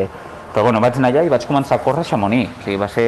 Els meus primers entrenos van ser allà i eren 20 minuts, 20 minuts màxim. I, i veies a tothom preparat per córrer l'UTMB i jo en 20 minuts ja no podia fer més i hosti, va ser durillo I, i vaig estar un parell de mesos així, eh? un parell de mesos fent aquesta base i aquest, aquest dia, de, dia darrere dia amb dolor, no? dolor, dolor, fins que a l'octubre ja vaig fer la primera cursa de Penyalara, crec sí, que va correcte, ser sí. amb dolor, òbviament, i, va i ser bueno, un bon, després tot, ja tot això va ser un gran resultat, eh? Sí, no, no em va anar, no em va anar pas malament, però, però sí que és cert que, que bueno, ho recordo amb molta emoció, eh, perquè vaig arribar a meta i em vaig enfonsar de, de tot el petit fins a aquell moment i, i que i òbviament hi ha moments de la lesió que penses i si no torno mai més a córrer? I si no puc tornar al que tant m'agrada? Eh, què, què carai fotré, no? Eh, amb, la, amb la meva vida esportiva no, no la vull deixar als 30 anys, no? I, i això fa molta por. I, i, I actualment encara, o sigui, entrenes i corres amb por o, o, aquesta fase cada dia està més lluny? És a dir, ja entre... al veure que no et fa mal, doncs entrenes ja amb tota la normalitat del món, però uh -huh. no sé si encara tens, no sé, eh, aquella sí. por de la recaiguda, de que no hi hagi que no estigui tot ben fortaletzat, no? I, ostres, i que encara pugui fer un crec, no sé, eh? si, si la por encara hi és. Sí, sí, sí, no, no, t'entenc, t'entenc, però, però sort tinc dels doctors, eh? el Daniel Brutons, per exemple, està molt a sobre i, i ha sigut ell, no?, el que també em va dir, Pau, això ja està recuperat, oblida't, eh, entrena fort, eh, fes molta força, que és superimportant per, per, per l'impacte i, i per absorbir tot l'impacte, que no vagi cap al genoll i tira, no? I, i certament és que estic entrenant i no, ja no hi penso, no hi penso amb això i intento focalitzar-me més en, en millorar i estar preparat per, per la primera gran de l'any.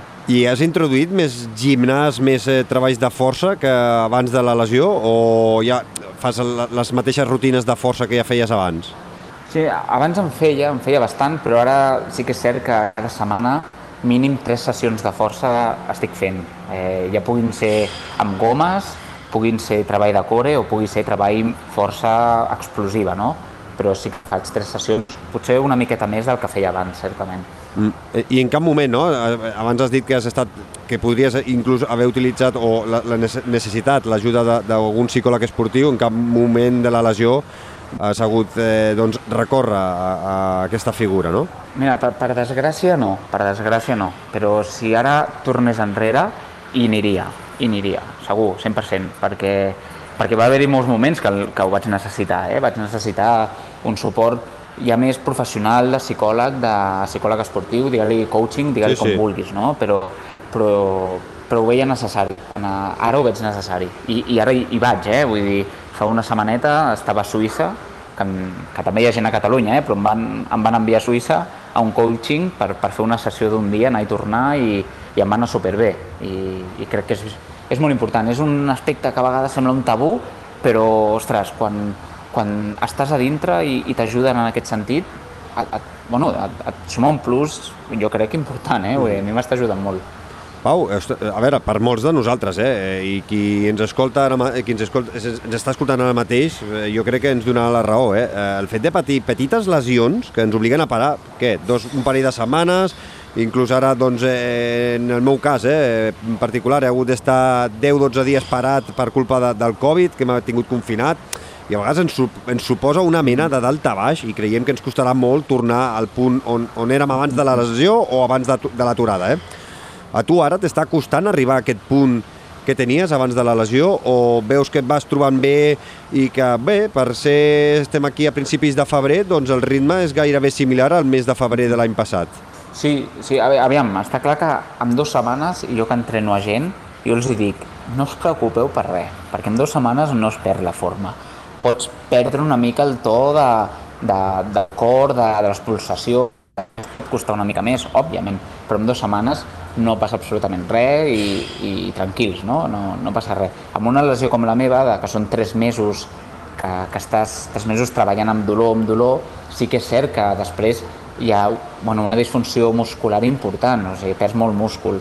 Llavors aquí sí que hi ha hagut un treball d'un parell o tres de mesos necessaris, que han sigut superimportants per ara al febrer dir, hosti, em trobo bé, eh, muscularment estic bé, i estic bé també doncs, a pulsacions i de més, i ara sí que em trobo com, com podia estar el 2019, em trobo en aquella situació, per tant, tot recuperat, tot bé, però òbviament del juliol al febrer hi ha molts mesos, eh? Mm -hmm. I, I sincerament, eh, Pau, a veure, creus que arribaràs en el teu millor moment a la UTMB, que és l'objectiu, eh, o, o tot i entrenar dur arribaràs amb algun desavantatge respecte als, als rivals més directes? No, crec que arribaré al millor moment.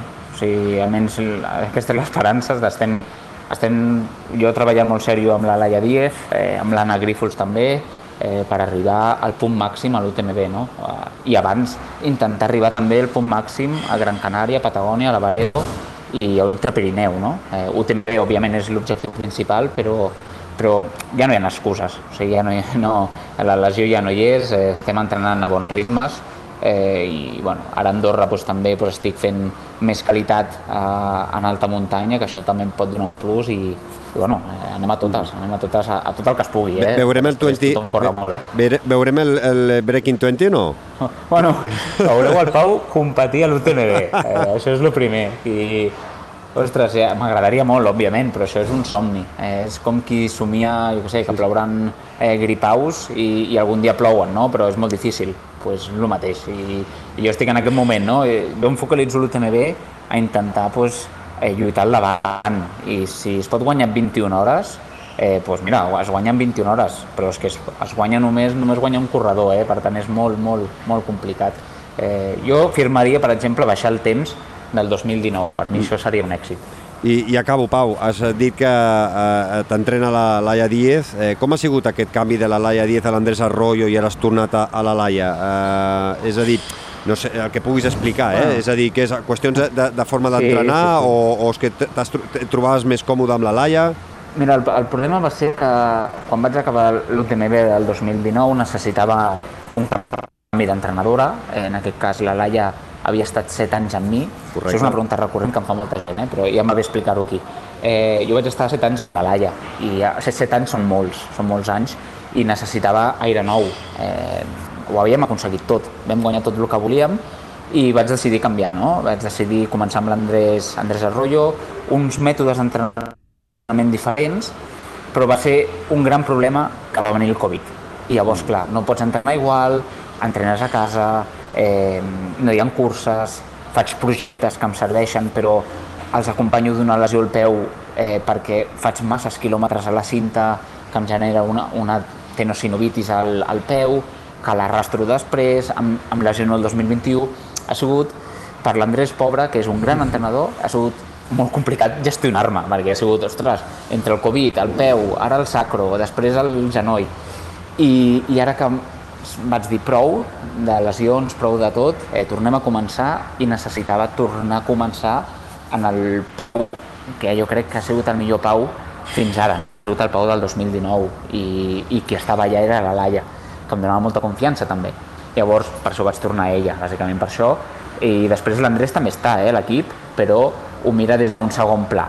O sigui, sempre mira els entrenos, em dona la seva opinió, però la Laia Diez és qui manega una mica tot l'entrenament i, i bueno, entre ells dos, pues, mira, em dona molta confiança, la veritat. Sempre és important tenir un gran equip, com, com deies, eh? la Laia Díez en aquest cas, l'Andrés Arroyo, l'Anna Grífols, el doctor Brutons... Eh, Déu-n'hi-do, eh? Déu-n'hi-do, tens una miqueta...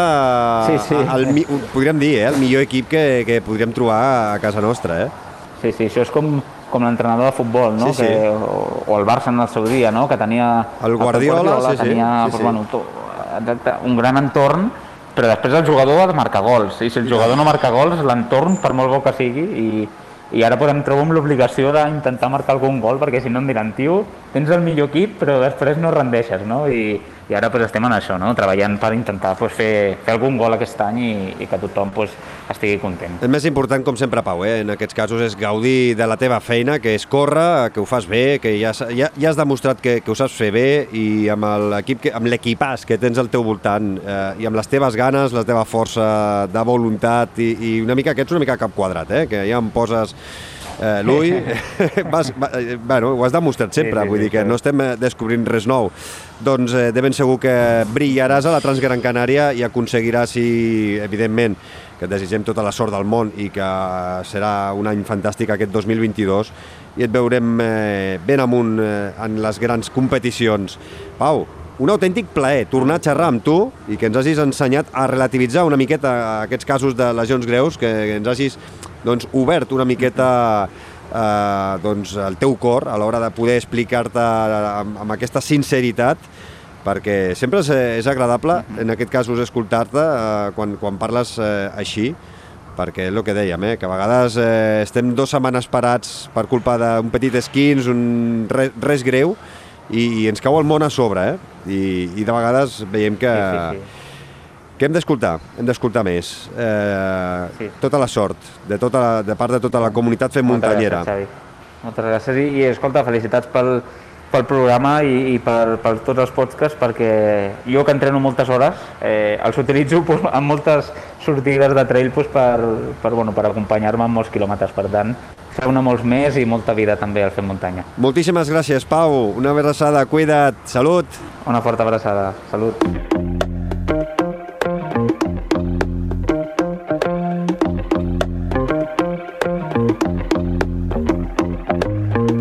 Ha arribat el moment de complir amb allò de mens sana, incorpore sano. Després de parlar una bona estona de muntanya, sobretot ara amb aquesta darrera conversa amb en Pau Capell, i de l'exercici que suposa, ens endinsarem un cop eh, més, un programa més, a la nostra muntanya de llibres, la nostra biblioteca. Marc Cornet, com estàs? Bones, Xavi. Doncs molt bé, la veritat. Eh? En el darrer programa, recorda, eh?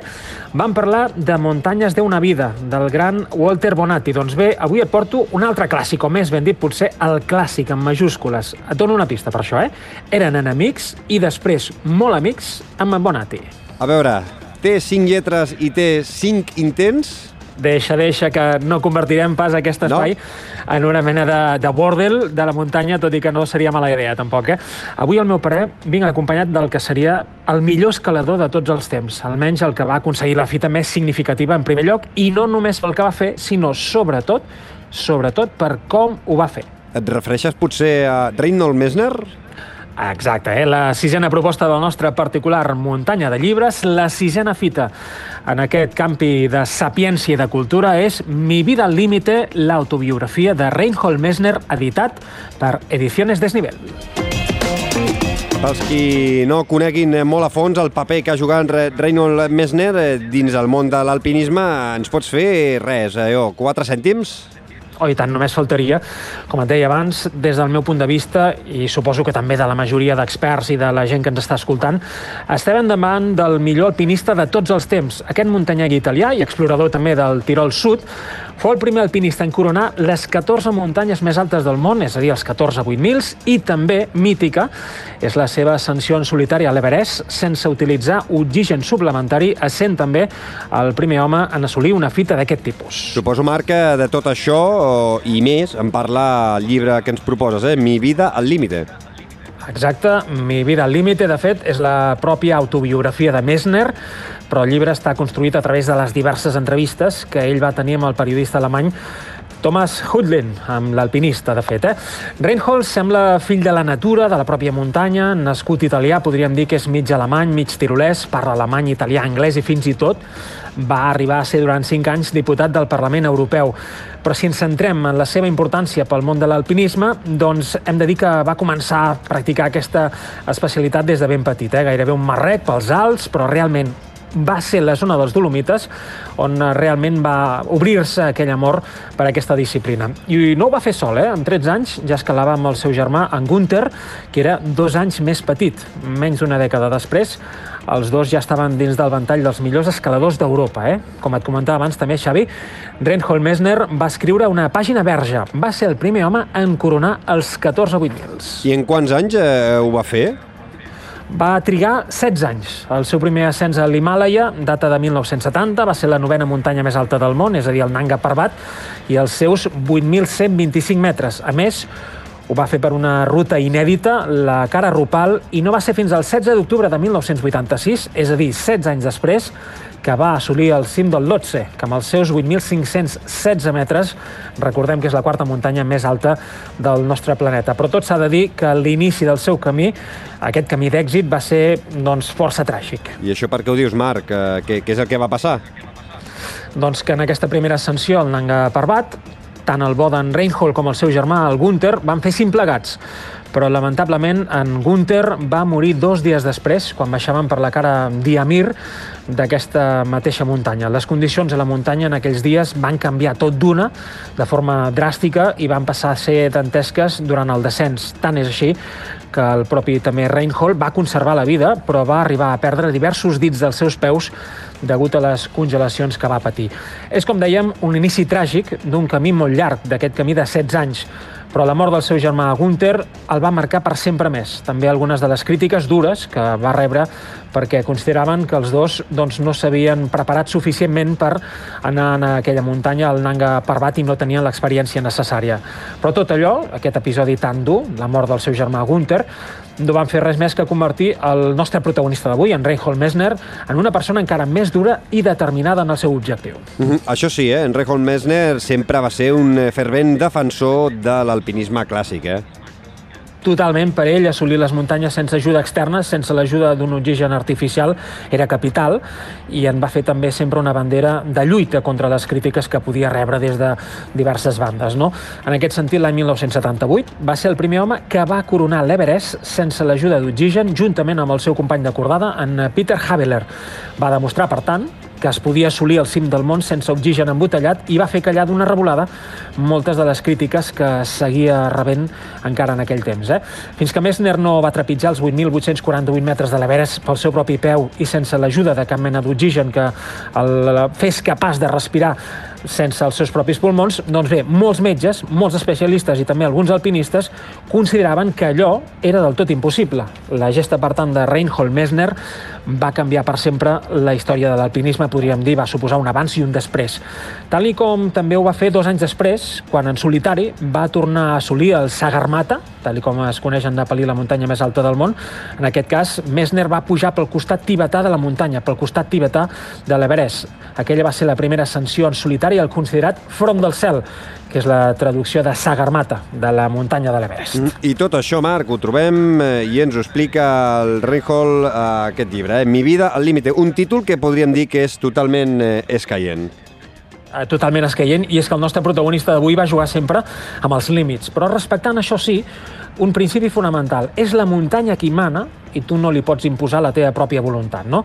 Si observem el palmarès o biografia muntanyenca de Messner, ens trobem amb quelcom extraordinari. Sí, va ser el primer home en escalar els 14 8.000, però també va ser el primer en coronar un 8.000 sense l'ajuda de portadors. Va ser el Gasher Brum 1, l'any 1975. També va ser el primer que va trepitjar el cim d'un 8.000 sense oxigen, l'any 1978. El primer que va pujar l'Everest sense oxigen, com dèiem, i el primer en pujar a un 8.000 en solitari. Va ser el Nanga Parbat l'any 1978 i recordant també la mort tràgica del seu germà Gunther 8 anys abans. A més, va ser el primer que va pujar l'Everest en solitari l'any 1980 i, com pots veure, va ser el primer de moltes coses, però sempre va tenir present que la muntanya suposava un esforç, un patiment, un sofriment en el que ningú et regala mai res.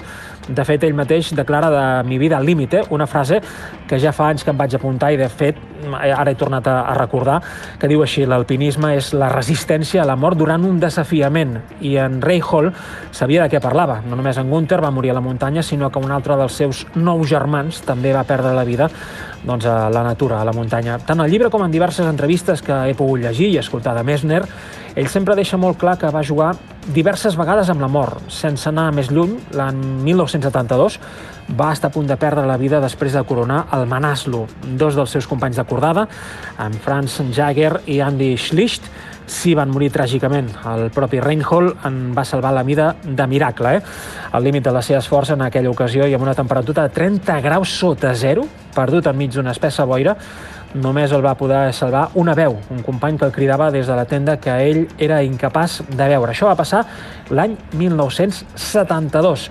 I Xavi, tanco amb una altra frase també del propi Messner perquè us feu una idea de com va patir durant la carrera d'aquells 16 anys per assolir els 14 8.000. Diu així, sense risc, en moltes de les ascensions no hauríem arribat al cim. Reinhold Messner, Mi vida al límite, una proposta que de ben segur no us deixarà indiferents i és que l'alpinista del Tirol Sud va dur a terme, atenció, gairebé 2.000 ascensions d'alt nivell. Això, Xavi, com et pots imaginar, és una autèntica barbaritat, eh? Es tracta d'una mena de superhome, vés a saber si Nietzsche, molts anys abans, també es va inspirar en el que seria després la figura de Reinhold Messner, no? Bromes a banda, podem dir que Messner ha estat sempre un aventurer, ja sigui escalant muntanyes o bé travessant també a peu els principals deserts de sorra i de gel d'arreu del món. Però què el va impulsar? Quina era la base de la seva filosofia alpinística, la clàssica, i per què? O com va aconseguir reinventar-se una vegada i una altra amb nous reptes?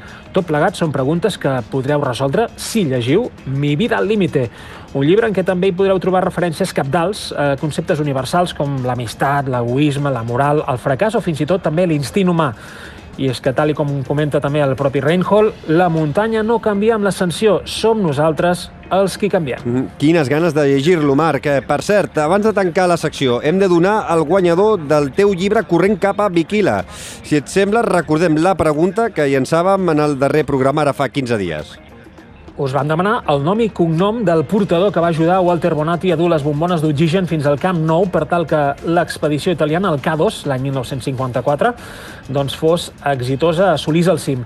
La resposta correcta és Amir Mahdi, que era un portador d'origen pakistanès que també va jugar un paper nuclear en l'èxit d'aquella polèmica expedició. Mm -hmm. Doncs mira, d'entre tots els correus que hem rebut hi han 5 respostes correctes, per tant, Marc, eh, com sempre, demano un número de l'1 al 5.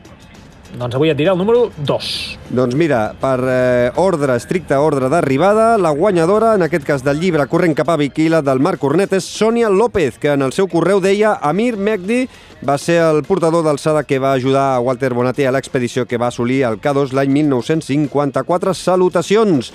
Doncs enhorabona, Sònia, ens posarem en contacte amb tu per fer-te arribar un exemplar signat pel propi Marc de Corrent cap a Viquila. Marc, alguna coseta més abans de tancar? És un darrer... Sí, un darrer punt per acabar, Xavi. Us poso deures, eh? M'agradaria que ara fossin els nostres oients, oients com la Sònia, qui en el proper programa doncs, ens enviessin les seves pròpies propostes de llibres de muntanya que els hagin agradat. D'entre totes les propostes que ens envieu, en el proper programa, en el proper espai, doncs n'escollirem una per parlar-ne. Què et sembla, Xavi? T'agrada? Per, perfecte, em sembla una gran idea. Així doncs, tal i com eh, us demana el Marc, podeu fer arribar les vostres propostes de lectura de llibres de muntanya que us hagin agradat especialment al correu del programa femmuntanya arroba femmuntanya.cat. El Marc doncs, eh, triarà d'entre totes les propostes i la comentarem aquí a la nostra secció, la muntanya de llibres, que és la biblioteca del Fem Muntanya. Marc, ens llegim en el proper Fer Muntanya d'aquí 15 dies, et sembla? Em sembla perfecte, moltes gràcies com sempre, Xavi, i com sempre us dic, eh, també salut, muntanya i, sobretot, molta lectura. Salut! Envia'ns les teves opinions a través de Twitter, Instagram o del correu electrònic femmuntanya arroba femmuntanya.cat. Els eh, propers 8 i 9 d'abril torna una de les eh, curses més ben valorades pels corredors a casa nostra. Estem parlant eh, de la Pels Camins dels Matxos. Aquest any celebra la seva edició número 20 i per saber una mica els seus orígens i el perquè del seu èxit, podem saludar el president de l'associació excursionista Torelló que organitza Pels Camins dels Matxos, Lambert Guix. Benvingut al Fer Muntanya. Hola, què tal? Gràcies. Gràcies a tu per acceptar la invitació. Aquest any, com dèiem, vintena edició. Vau arrencar l'any 2002. Com va néixer, va néixer una miqueta la idea de crear aquesta prova i quin va ser l'embrió del que és ara pels camins dels matxos? Sí, de fet, eh, ja han passat uns, uns quants anys des d'aquella de, des primera edició l'any 2002, que a la nostra pàgina web eh, en fem broma, no? quan Corre encara era, era de covards, que això de, del trail encara no, no, no existia, doncs eh, uns quants membres de, de l'entitat van decidir eh, sumar-se al carro d'organitzar eh, caminades, en aquell cas de, de resistència, perquè encara no, no era una cursa de, de, de llarga distància com ara l'entenem, Uh, molt inspirats també per, per altres uh, grans proves, com hi havia la cuita al sol, proves que algunes d'elles malauradament ja no estan en el, en el calendari, i es van animar, es van animar doncs, uh, buscant uh, un GPS perquè no n'hi havia, uh, com ara tothom té casa, a través de la universitat, i intentant aprofitar antics uh, camins uh, de traginar carbó per fer una, una cursa amb un circuit prou extractiu perquè la gent de les contrades de Catalunya vingués a la Vall del Gès. Mm, I ha canviat molt el recorregut i, i el format de, de la prova? No, el recorregut en si mateix no, no, no, no ha variat. Uh, sí que és veritat que l'única gran variació que hi ha hagut ha sigut el, possiblement la sortida i l'arribada, que en la primera edició era en la vila de Torelló però en una altra ubicació, i sí que és veritat que durant els anys hem intentat mantenir bastant l'essència de, del principi perquè creiem que el recorregut tal com està dissenyat doncs eh, agrada i, i permet conèixcer molt bé tots els racons que, que amaguen les nostres contrades. I pels que no hi hem participat mai, eh, que aquest any m'hi estreno i estic molt content d'haver-me doncs, eh, gairebé ser un dels últims que, que hem he trobat un dorsal per, per córrer. Eh, hi ha dues inscripcions, eh? una pel tastet de 23 quilòmetres i una altra que seria pels camins dels matxos, però en aquesta última opció podem escollir diferents distàncies. Eh, com que era nou, eh, m'ho he hagut de rellegir dos cops. Eh, com, com funciona això? Sí, això és una característica bastant peculiar que tenen els pels camins dels matxos, que és el que en diem un recorregut a la carta. Uh mhm. -huh. Sabem que fer 63 quilòmetres en 3 3.200 metres positius, doncs uh, si tens un, un mal dia potser se't fan una mica Bola, llargs. que dieu, sí, una mica bola, que dieu. Se't fa una mica, una mica bola, tot i que en algun moment habitualment ho puguis regar amb un trago de, de vi, però el recorregut a la carta consisteix en que el, es- està dissenyat amb tres eh, grans eh, bucles, que són els tres grans cims que es coronen si, si realitzes tots els 63 quilòmetres. Això fa que al final, durant, eh, el, el, el, quan el participant va avançant per la cursa, pot eh, retallar eh, i pot escollir si fa un d'aquests cims o no. I després fa que sortint, doncs, eh, si només fa el primer cim, que és Bellmunt, doncs, eh, i després ja fa la tornada, li surten molts menys quilòmetres. Si sumem Puigcalm, que és el segon gran cim, ja fa més quilòmetres i després, si finalment ja completa el bucle Cabrera i fa la tornada del Prat de la Bola cap a Torelló, doncs completa els 63, els 63 quilòmetres. Mm -hmm. Super interessant això. No, no, és que m'ho he hagut de rellegir perquè a l'hora de- d'inscriure't eh, et sortia l'opció de, que, de, la, de quina de les tres distàncies volies fer, de la, de la llarga, eh? de la de 48, 53... 53, 56 o 63. Sí, sí. Déu-n'hi-do, déu nhi déu I quines són les zones més xules per les que passa la prova? Aquelles que dius, eh, escolta, no correu tant, eh, gaudiu de les vistes o gaudiu d'aquesta cascada, no sé, eh? Sí, bé, de, de fet uh, has fet ja una molt bona introducció. Passem i tenim la sort de- d'estar de, en entorns prop de, de rius on hi ha salts d'aigua. Un d'ells uh, i dels primers que, que es troba és dels més impressionants, que és el Salt del Molí, que el trobem just després de, de la baixada de, del primer cim, de, de Bellmunt. Um, també eh, cal destacar doncs, uh, una baixada prou tècnica i interessant com és la baixada del, del Tossell, que és la baixada que precedeix del segon gran cim, que és el Puigcalm, i que després també a poc a poc ens introduïm cap a una zona boscosa de Fageda, jo diria que poc coneguda si la comparem amb altres fagedes properes, com pot ser la fageda d'en Jordà, però igual d'impressionant. Uh, a la vegada també uh, l'arribada a dalt a Cabrera, com que és uh, força en, encarenat, és a dir, fa una carena bastant, uh, diguéssim, aèria, doncs impressiona bastant.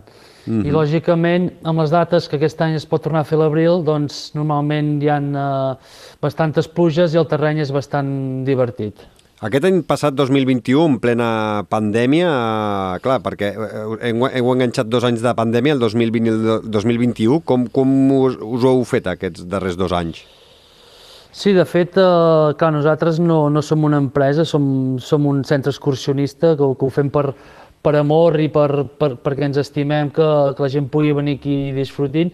I realment doncs, ha sigut una mica complicat trobar aquest equilibri de, de poder eh, tenir l'essència que tenen els matxos, que és una cursa propera on els traginers, que són els nostres voluntaris, doncs poden eh, estar molt en contacte amb el participant.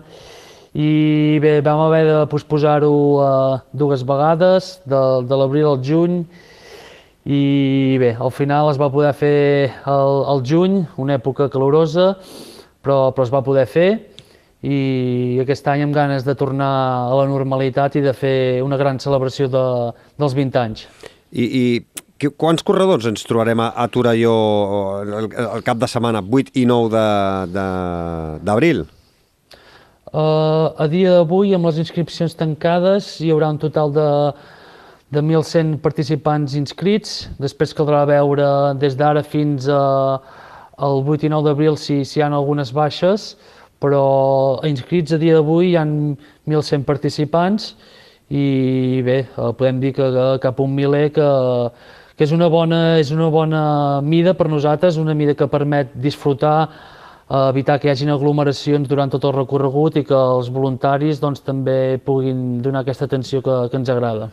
I pel que dius, dorsals venuts, no? Dorsals esgotats.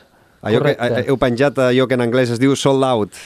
Sí, allò que, que els que organitzem coses ens agrada tant, eh? Oh, està molt bé que, que avui que publiquem eh, el programa 58, 10 de, de febrer, ja teniu totes les inscripcions eh, venudes. És, és tot un èxit. I parlant d'èxit, quin creus que és l'èxit de pels camins dels matxos?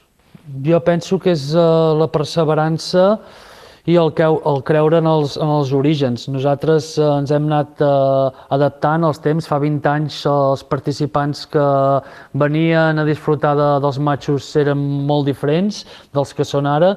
També ha sigut un gran èxit doncs, eh, incloure el recorregut del tastet dels matxos ja fa 3 anys i de fet al final creiem que el ser una entitat excursionista doncs, eh, permet eh, aquell dia aglutinar un, unes persones que són els traginers que transmeten eh, una passió per, perquè la gent disfruti, que això vulguis o no fa que tinguis ganes de repetir i lògicament que els bàsics d'una cursa com són eh, marcatge i avituallaments, cada vegada doncs, seguir treballant i posar-los a dalt de tot. I, I quants traginers us ajuden a tirar endavant eh, els matxos? Traginers tenim la sort doncs, que la gent en té ganes i la passada e-, edició, tot i ser una edició on vam haver de tenir més cura del que normalment hem de tenir, normalment estem al voltant de 250 traginers que d'una manera o altra col·laboren perquè això sigui un èxit. Mm. I mirant així una miqueta la, la web, eh, que, que us recomanem que entreu, matxos.cat, eh, he vist un parell de coses que, que, que m'han entrat al dubte. Què és el matxopot? Sí, el Matxupot és uh, un accèssit, una iniciativa que ens vam inventar fa un temps, perquè nosaltres uh, volíem que tant el primer com l'últim s'hagin de suar els matxos, Després, per incentivar doncs, que tothom hagués de passar per la, per la pedra, vam creure que crear un accèssit, que en aquest cas és el Matxupot, doncs, eh, incentivava que els de davant eh, els participants, corredors i corredores, haguessin de lluitar com els últims per arribar a meta. En aquest cas, el Matxupot eh, consisteix en que el primer corredor corredora que aconsegueixi creuar la meta en menys de 6 hores, doncs s'emporta aquest pot que va començar a 100.000 euros. Com que ja portem eh, 3 anys que ningú ha sigut capaç de rebaixar eh, aquestes 6 hores, actualment a dia d'avui el pot és de 3.000 euros. Aquí podríem posar la música de la Loto 649, el pot des de 3.000 euros i, i així. Eh, algú se l'han portat alguna vegada eh, anys enrere? No, qui ha estat més a, més a prop ha sigut uh, l'Andreu Simón, sí? que es va quedar a 8-9 minuts de, de poder baixar aquestes uh, 6 hores. déu o sigui, si Andreu Simón ha estat a 8-9 minuts de baixar de les 6 hores, eh, crec que a Catalunya hi ha pocs corredors capacitats de baixar de les 6 hores. Eh? S'ha de suar, s'ha de ser ràpid i potser a mi em ve al cap, no sé, el Lluís Ruidoyer, que és un tio ràpid, és un tio que podria baixar de les 6 hores, però hauria de córrer, eh, també. Sí, un tio ràpid sí, sí. i que es coneix el, el recorregut. Per això, per de això. fet, en Lluís, eh, jo diria que és una de les persones eh, inscrites també i confirmades per aquest any, eh, candidates a, a, a, a poder rebentar aquest, aquest, aquest, aquest pot, però, però, però veurem, perquè la, el recorregut eh, sempre té sorpreses, la climatologia pot, pot jugar-hi doncs sí, sí. Uh, molt en contra o molt, o molt a favor i... Veurem. I el dia, no, el dia no ho veurem, ara ho has dit. Ve, ve, veurem, veurem. Ja, ja dic jo que per mi no patiu, eh? jo no trencaré el pot ni, ni en broma. em quedaré molt lluny de les 6 hores i, i primer eh, intentar que no se'n faci bola i poder acabar tot el recorregut. Eh, també veig que teniu un projecte que es diu Machitos. Això que és pels més petits de, de la casa? Sí, correcte. Els Machitos és una... Uh recorregut eh, educatiu, no és, una, no és una cursa pels més petits, el que fem és un recorregut eh, guiat. Eh, comptem amb l'ajuda de diferents ambientòlegs, doncs que amb l'ajuda també dels escoltes eh, de Torelló, doncs, eh, agafen eh, un grup de canalla i els ensenyen doncs, el que és la fauna del recorregut, eh, per què la muntanya doncs, eh, té una vegetació aquí, eh, creiem com a centre excursionista eh, a córrer ja, ja n'aprenen sols aquesta canalla i també va bé doncs, eh, ensenyar-los una mica com és el seu entorn i per què és així. Uh -huh. I després, a més a més, també els matxos té una part solidària. Sí, creiem com, que com a entitat també hem pensat sempre doncs, eh, donar aquest retorn a la, a la societat. Eh, en aquest cas, eh, aquest any hi han dos projectes solidaris en, en marxa. Un és, ell, un és el dorsal sostenible, que en aquest cas eh, cada participant quan feia la inscripció ha pogut mm -hmm. fer una, una donació que ha sigut ja donada íntegrament a la Fundació Kilian Jornet perquè ells puguin tirar endavant diferents projectes. A dia d'avui eh, hem recordat més de, més de 1.000 euros, vol dir que és Molt una bé. xifra que donem gràcies a tots els participants perquè una vegada més doncs, demostren i són un exemple de, de com es poden fer les coses. Després també tenim el projecte Passes Solidàries, que ja fa alguns anys que, que, que el anem fent i té molt èxit. I el que fem és, eh, doncs, eh, tots els participants, corredors i corredores que tenen aquelles sabates velles que no, que no, no, fan ser, no les fan servir tant al dia a dia, potser doncs, eh, ens les poden donar i nosaltres després eh, les fem arribar a Càritas de Torelló perquè altres persones que potser no hi tenen accés tan, tan fàcil a aquest tipus de material doncs també es puguin iniciar amb aquest esport. I tant, doncs eh, grans iniciatives que, que dueu a terme. Eh, Lambert, has dit que bueno, teniu ja tots els dorsals eh, venuts, que no teniu res. Si rasquem una miqueta, eh, podem treure algun dorsal pels oients del Fem Muntanya o no? Home, jo crec que amb el tracte que hem tingut durant aquesta conversa està ben, Sí? més que merescut, vol dir que Sí? ja podeu comptar-hi. Va, vinga, va, doncs eh, ja que tenim aquest eh, dorsal, eh, podríem dir gairebé, gairebé que és dels últims, no?, que tenim per... per que, que, que, o sigui, que serà un dels últims inscrits per fer pels camins dels matxos, no? Jo diria que sí, sí, sí. sí. Doncs mira, va, tenim la última inscripció o una de les últimes inscripcions eh, per si voleu participar a, pels camins dels matxos. Eh, com ho farem? Doncs eh, ho farem entre tots els nostres oients premium. Si no ho sou, ho podeu fer a través de l'enllaç que teniu a les notes del programa. D'aquesta manera podreu escoltar un àudio que només eh, podeu escoltar els Fem Muntanyeros i Fem Muntanyeres Premium, els que doneu un suport eh, econòmic de només 2 euros al mes, i allà us explicaré què és el que haureu de fer. Tot és molt fàcil, tot és molt senzill, ho, ho farem com sempre a través del nostre correu electrònic, us deixaré una pregunta molt senzilla i d'aquesta forma sabrem que sou Premium i sobretot eh, heu de respondre a través del correu que heu fet servir a l'hora de fer-vos eh, subscriptors eh, Premium.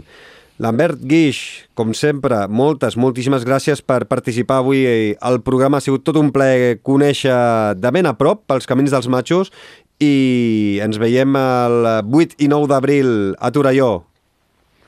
Genial, doncs ànims amb els entrenaments i no patiu que ja ens cuidarem que estigui tot a punt perquè disfruteu d'una jornada de, de muntanya. Vindrem a patir i a gaudir. Cuida't, una abraçada. Salut, adeu.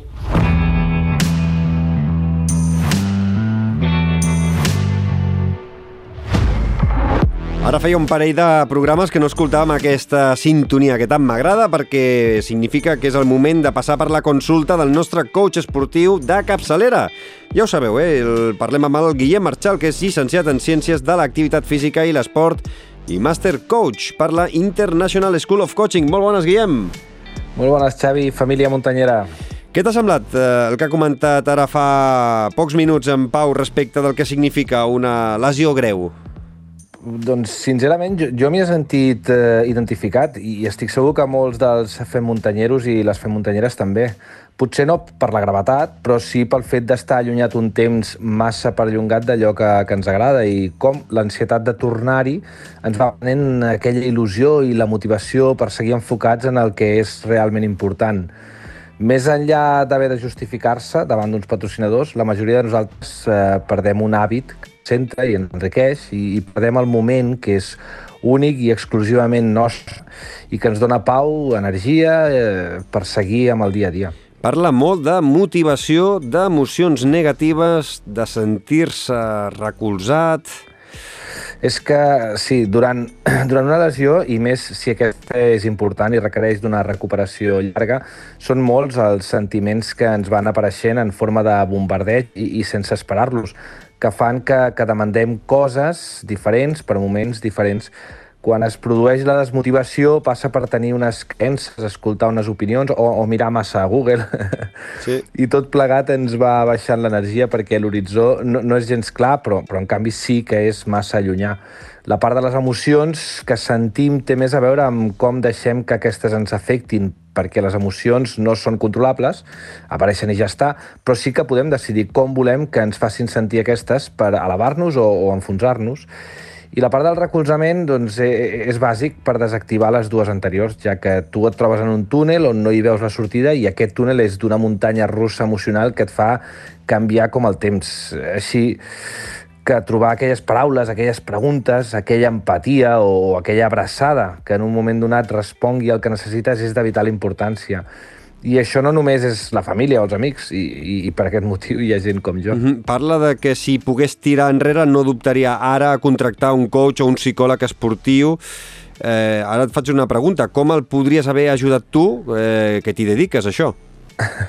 Ostres, doncs no conec el cas concretament, però, però en d'altres similars que he tingut i que molt possiblement puguin ser per l'estil, jo crec que el més important és no marcar objectius a llarg termini i eliminar qualsevol expectativa, és a dir, centrar-lo en l'avui i premiar qualsevol avenç i millora, per petita que sigui, eh? per seguir enfocat en la seva progressió i no tant en el resultat final molt possiblement hauria plantejat la lesió igual que es fa un pla de cursa d'ultradistància, en el seu cas, anant a buscar objectius intermitjos, verbalitzant i entenent les sensacions que viu i prenent consciència dels altibaixos que hi haurà per haver-los treballat prèviament i anticipar-se. Per què deu ser, Guillem, eh, que, no sé, que els esportistes no veuen necessària la contractació d'un coach esportiu o d'un psicòleg i que moltes vegades eh, són més els, eh, els esportistes amateurs els que doncs, ho fem per plaer, els que a vegades truquem més a un coach esportiu? Bueno, eh, t'haig de dir que cada cop són, són més els que hi van a parar, però, però costa, i costa molt.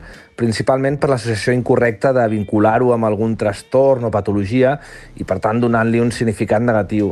Després també falla el creure que la vulnerabilitat és igual a la debilitat, quan el que és realment dèbil és la incapacitat de reconèixer quan un és vulnerable per poder anticipar-se i millorar l'èxit també hi ha la creença de que els amics o la família ho poden tot, i en gran part sí, eh? però eh, no hem d'oblidar que són persones que ens estimen i que eh, l'últim que volen és ferir-nos i veure'ns tristos, així que cal complementar-ho amb la visió externa i professional d'una persona amb la que no tens cap vincle, però que et vol ajudar. I per últim, centrant-me en els pros, eh? jo diria que també hi trobo a faltar humilitat, eh, per reconèixer que els cal ajuda i després no paren de fer-se, per exemple, els forts en frases fetes sense significat ni sentit que a les xarxes socials, que potser els calma la golatria, però, però els amaga de posar la cara davant dels problemes. Veus que hi ha, que hi pot haver eh, un canvi en aquesta tendència tant a nivell professional com amateur? Sí, és clar, sí, sí, per força. Eh, cada cop són més les persones que se n'adonen que el veritable motiu del seu rendiment inadequat té poc a veure amb la part física i molt més amb la gestió de les emocions i la fortalesa mental. Però parlo de professionals i amateurs que al final eh, se n'adonen que tot el que ens envolta té una afectació directa sobre el que fem i qui som eh, una separació, jo sé, la gestió de, del temps, la vida professional, les lesions, una pèrdua... Tot és una sola cosa, el meu jo. Per això sempre parlo de que l'esport ha tingut cinc onades a, a, mida que ha anat agafant més importància a les nostres vides. Ara m'has, no sé, m'has posat aquí el cuquet, eh? Que, que, explica'm millor, què vol dir això que, que, que dius de les cinc onades? Sí, bueno, és molt particular eh, i penso així des de fa temps. Eh, i, i potser són cinc, ho he dit cinc, i jo crec que n'acabaran essent sis. Primer va ser l'evolució del material a més tècnic, eh, després la necessitat d'un entrenament de qualitat, a continuació una cura física amb fisioteràpia o podologia preventiva i correctiva, després una, nutrició, una nutrició adequada, i ara estaríem arribant a la part del treball mental i emocional. Però tot això ha estat eh, durant els últims 30 o 40 anys, així que és una qüestió de temps que la meva part es torni una necessitat. I jo crec que la sisena, sincerament, eh? crec que serà la incorporació tecnològica de la intel·ligència artificial per millorar el rendiment. I quin creus que és el motiu definitiu, Guillem, per, mm, doncs, que, que pot fer la teva feina o la d'un psicòleg esportiu? Perquè hi ha alguna diferència entre les dues figures? Mira, si et sembla, començaré per la segona part, perquè és important delimitar-ho, ja que, per desgràcia, hi ha força intrusisme de gent que fa un taller de cap de setmana i ja es fa una targeteta i una web dient que és coach i això, sincerament, ens perjudica tant els que ens ho hem treballat i ens hem format com cal i els psicòlegs que després han de solucionar autèntics desastres. Mira, un psicòleg té la formació, els recursos i l'expertesa per poder fer diagnòstics clínics i tractar patologies mentals, és a dir, malalties reals. Mentre que jo, com a coach, mai, mai de la vida faré un diagnòstic i menys encara m'atreviré a tractar patologies o traumes. El que jo faig, bàsicament, és analitzar amb l'esportista la seva realitat actual, buscar què és el que no funciona o el satisfà, explorar quina seria la seva realitat desitjada, allà on vol arribar, i crear un pla d'acció per arribar-hi, així de simple. I el motiu definitiu? Doncs la necessitat de canviar. Quan una persona em ve a veure és perquè té una profunda insatisfacció amb el que està vivint i és conscient de que li cal canviar coses perquè aquesta realitat sigui diferent molt probablement ja ho haurà provat eh, per ell o ella mateixa i s'ha adonat de que potser li falta força voluntat o, o li manquen eines o recursos perquè el canvi sigui significatiu i real. Tots necessitem aprendre, evolucionar i créixer, perquè si no passem a tenir una vida irrellevant i poc satisfactòria. I si voleu una prova, us proposo a la família del Fem Muntanya que reflexioneu si sou on voldríeu ser, si sou el que sempre heu volgut ser, o si bé faríeu algun canvi per millorar algun aspecte, però us fa por, o bé si sou de la frase feta en castellà que diu que más vale eh, malo conocido que bueno por conocer. Si sou dels primers, felicitats i a fluir.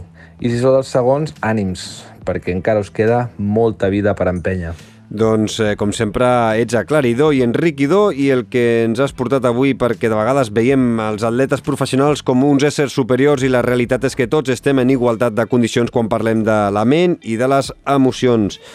Guillem, eh, moltíssimes, moltíssimes gràcies, com sempre, i ens escoltem d'aquí 15 dies. Cuida't, una abraçada ben forta. Salut i fins al proper programa.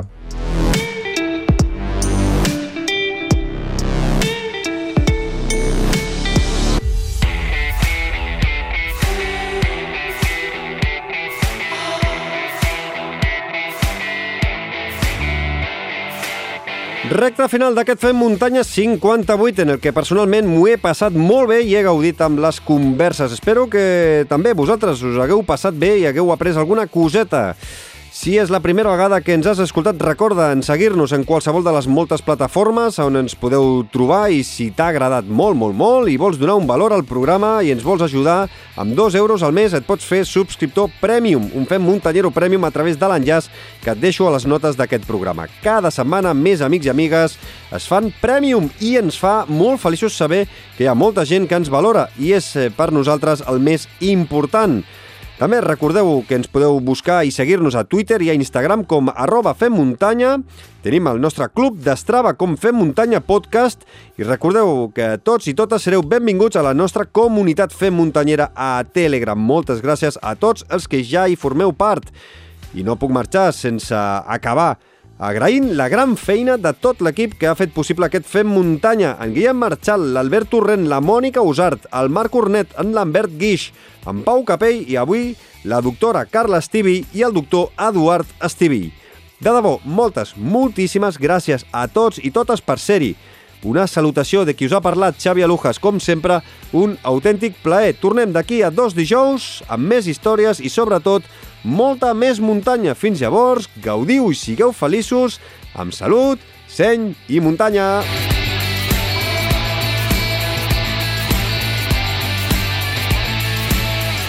Subscriu-te al podcast de Fem Muntanya.